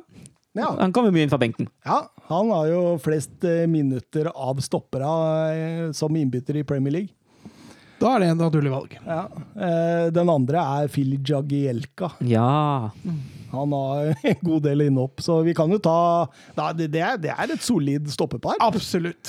Eh, men det er jo liksom Det er det som er så kjipt med supersubs på forsvar. Altså, Ja, det det er jo ikke. matchavgjørende, ikke sant? Jeg syns bekka våre var fine, da, med Søren der. Ja. Belletti og Bale. De har jo kommet inn og gjort en forskjell, selv om Blei det Billetti. Ja, ok. Nei, ble det? Ja, vi kan ta vi kan ta billett. Vi kan ta billett. Eh, Høyre kant, eh, Søren? Ja, da kom jeg på, på en uh, virkelig supersupp, og det er Mario Götze. Han var jo egentlig mest sentral midtbanespiller man kunne spille på kant, og han blir jo supersupp i eh, VM-finalen i 2014. Så jeg synes, Og han kom jo mye fra benken, i hvert fall Bayern nå mot slutten i Dortmund. også.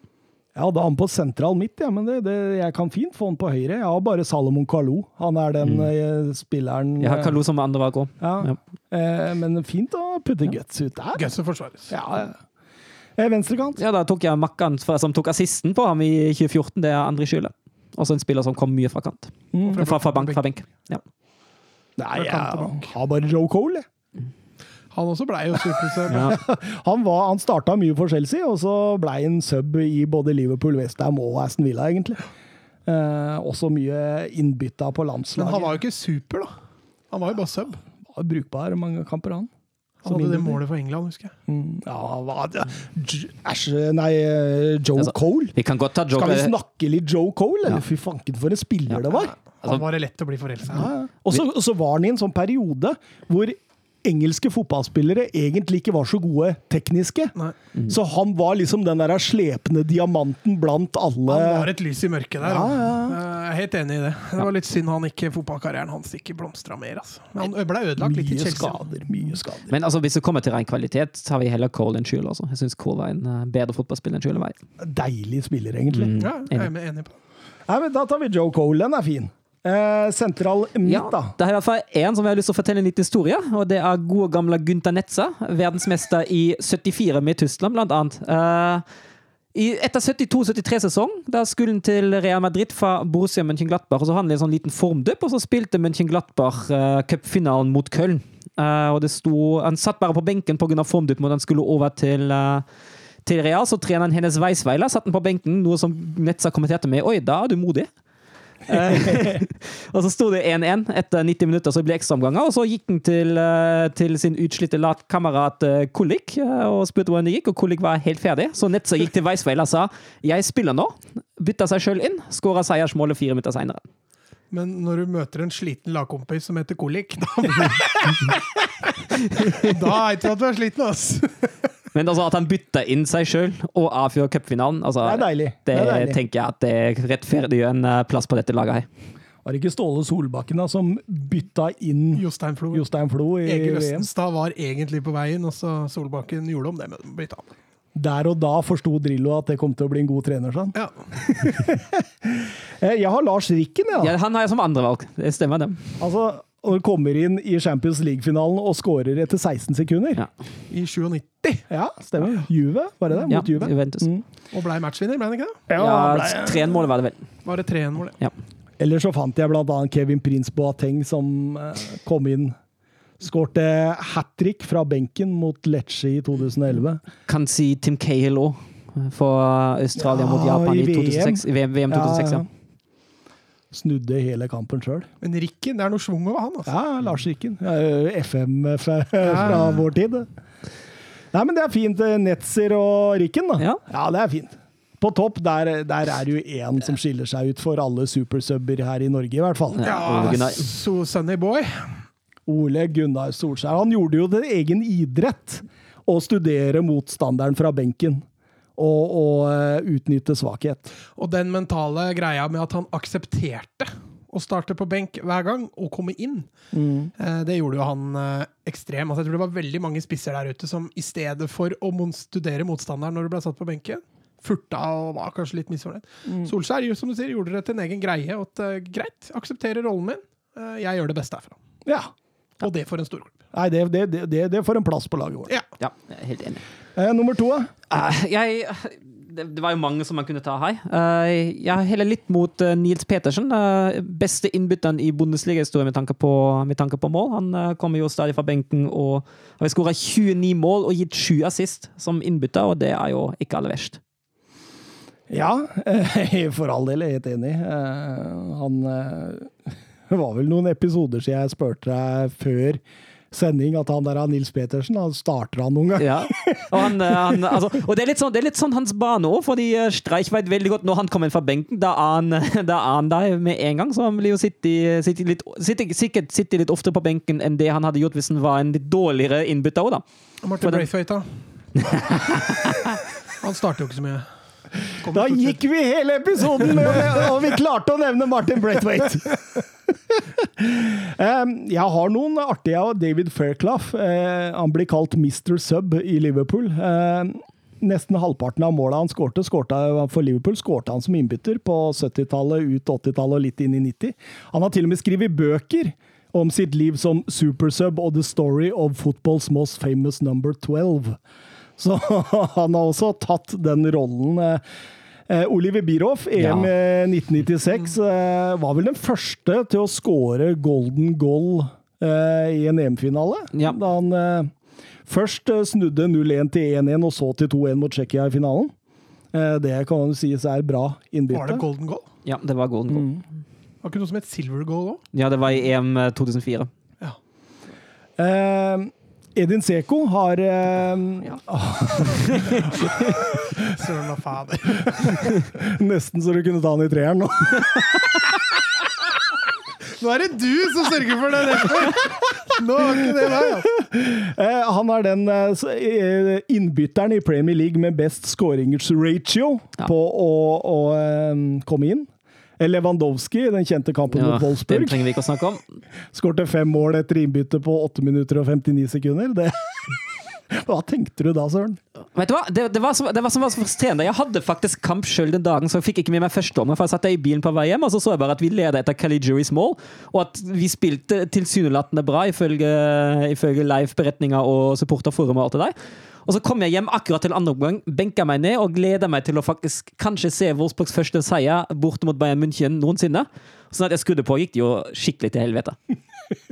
Det var ikke noe gøy i det hele tatt. Den siste jeg har, er eh, Niklas Bentner.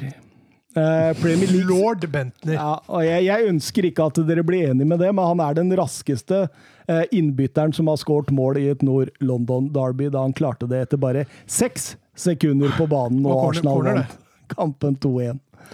Uh, Eh, Edin Dzeko er alltid et fint valg, syns jeg. han, han begynner å bli noen der gjenganger på laget vår òg. Gjør nok det.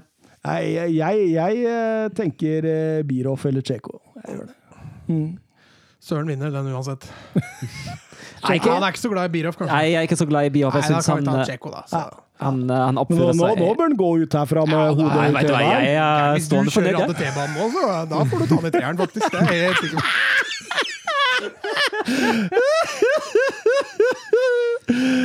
Ah, Solskjær og Tsjeko på topp, det må jo bli noe mål ut av det. Selv om de kommer stort sett som innbyttere. Ja, de må byttes inn. Ja, de må, Hva gjør dette laget de første 70? eh, skal vi bare avslutte med å si god påske? Skal vi ta ligg 1-draften nå? Ja, Vi fanken, vi, er- vi har jo den, vi, ja! Det, det er andre gang jeg har glemt den draften. Det er fordi jeg ikke setter det opp på Jeg setter ikke Ja, opp altså, ikke på altså, Du altså, var så flink til å sende ut kjøreplan før. ja, Altså, det har du kutta helt ut. Men vi blir jo ferdig sånn to minutter før sending i dag, da. ja, men jeg hadde en liten kjøreplan på gruppa vår. Ja, du hadde det i dag, faktisk. Men uh, League Ø-draften, ja. Den blei vi jo ferdig med Altså, i det, jeg blei ferdig idet jeg kjørte hit. Ja, det var jeg som fikk lov å begynne League Ø, og da sto jo valget mitt. Uh, vi kan jo ta reglene, da. Så vi sa kun PSG var det kun lov å velge én spiller fra. Resten var Cart blanche. Eh, så mitt første valg sto jo da selvfølgelig mellom Mbappe og Neymar. Og jeg sila Mbappe med masse emojis og latterfjes etterpå som spiss. Ja, da var det klart at jeg skulle ta Neymar, og med tanke på kvaliteten som ellers er den ligaen på venstrekant og på spiss, for jeg sto med litt mellom bli en venstrekant eller bli en spiss, men så syns jeg det er et større gap på spissplassen enn på venstrekantplassen, og da tok jeg Neymar som spiss, ja. Og da satt jo jeg fattig igjen, for å si, for å si det sånn. Du hadde en PSG, da. Du kunne velge Ja, jeg kunne velge litt fritt der, så da, da la jeg de helt bort. Og så satsa jeg på eh, stortalentet Eduardo Camavinga på sentral midt. Ja, jeg så jo at det var noen plasser her jeg tenkte her må jeg få på plass noen før noe annet eh, stopper. Der så jeg det kom til å bli trangt. eh, med, det er et par talentfulle der, men jeg visste jo det at jeg velger jo eh, Vi velger jo i tur og orden her, så jeg tenkte jo da at stopper det er sikkert flere som ser. Så jeg sila Botmann. Det sto mellom to stykker. Søren sila og han andre rett etterpå, Ja. så det var uh, i grevens tid. Fordi jeg så akkurat det samme som deg, at stoppeplassen den, uh, den blir det trang, så jeg tok, gikk for Binoui Badiashil, en av de uh, mest talenterte midtstopperne i hele serien nå. Og akkurat der så fant jeg ut at min PSG vil bli en stopper. og gikk for Hosam Aouar for å bare seile den beste sentrale midtbanen i, av draftlagene. Eh, Jeg tenkte jo da siste spissplassen Eller jeg tenkte Depay, og så tenkte jeg det at han kan jeg bruke venstre. Men så tenkte jeg at får jeg Depay på topp sammen med Mbappé- Mbappé, så får jeg i hvert fall det beste spissparet eh, her. Så jeg sila egentlig Depay Mm. som spiss sammen med Mbappé. Ah, jeg så fortsatt på på stoppeplassen, ja. Jeg tenkte at eh, særlig nå som, eh, som Depay var tatt, jeg hadde vurdert ham òg, men eh, jeg gikk for Jason Dinaya. Og i god tradisjon, når jeg velger en stopper i middraft, driter han seg ut helgen etterpå, som han da gjorde mot PSG. Men uh, i det store hele syns jeg at Dinaya er Hvem var han for? Paul Torres var forrige. ja, Stemmer det? Men jeg syns i det store hele at Dinaya er en meget habil stopper og uh, kvalitet. Hva i City, han? Mhm. Jeg eh, tenkte nå må jeg få på navn. Nå må jeg få på Dimitri Payet.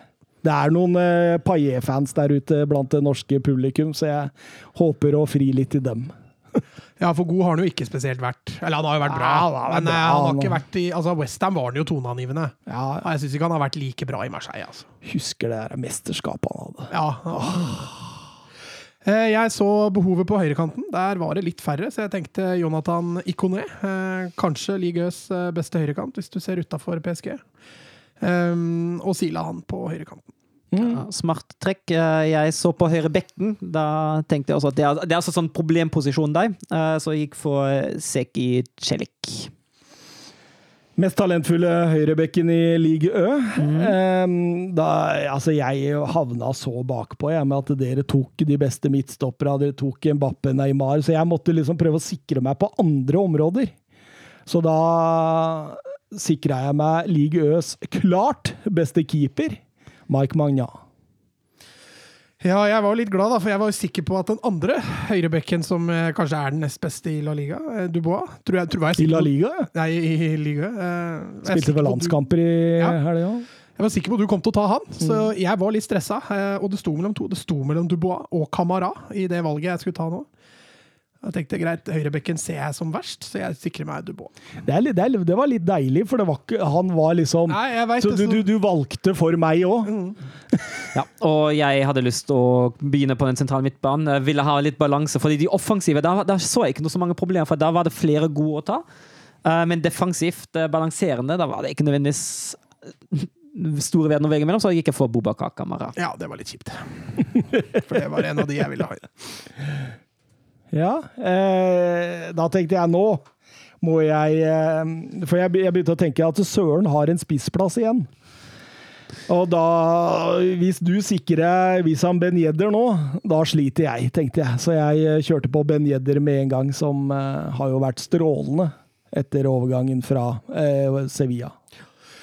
Da tenkte jeg at nå må jeg komme i gang med den sentrale midtbanen. Der hadde jo ikke jeg noen, eh, selv om dere Søren hadde vel én igjen. Eh, Men jeg tok da den, i mine øyne, den nest mest talentfulle sentrale utenom eh, ikke, Kanskje ikke nest mest, tredje mest talentfulle sentrale i Coqueret fra Lyon. Ja, og da, jeg hadde jo den planen, jeg visste at du hadde to spissplasser igjen, og jeg var sikker på at du kom til å ta enten Ben eller Folland. Jeg syns begge to har overbevist i Monaco. og Jeg tenkte ok, jeg kan lage, spissplassen ligge fram til du tar den ene, og så bare tar jeg den andre. Så jeg tok jeg Kevin Folland for at ikke han skulle forsvinne fra meg også. At jeg ikke skulle dra nå. Ja, ja for det kunne du fått ha gjort. Ja. Ja, ja, for all del. Eh, jeg eh, tenkte høyrekant, ja, da. Hvem eh, bedre enn Florian Tove? Ikone. ja, er han det? Er han det? Er han bedre enn Tove, i hvert Ja, men nå? Tauvin tenker jo bare på presidentskapet i Marseille. Det har vi jo vært innom. Er Eh, Søren? det ikke meg? Nei, Mats, ja.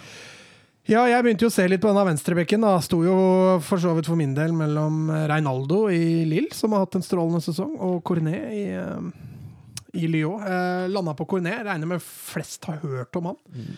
Eh, har jo også vært en liten tur innom landslaget, men uh, skal nok få trøbbel med å få plassen der. Men jeg landa på Cornet på venstrebekken.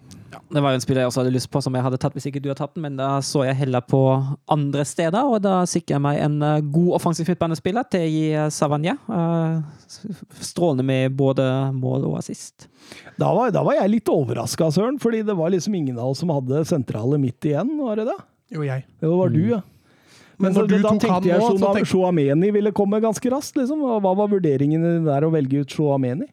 Nei, jeg syns, eh, syns sånn rent, eh, rent kvalitetsmessig har Sava- prestert bedre akkurat denne sesongen.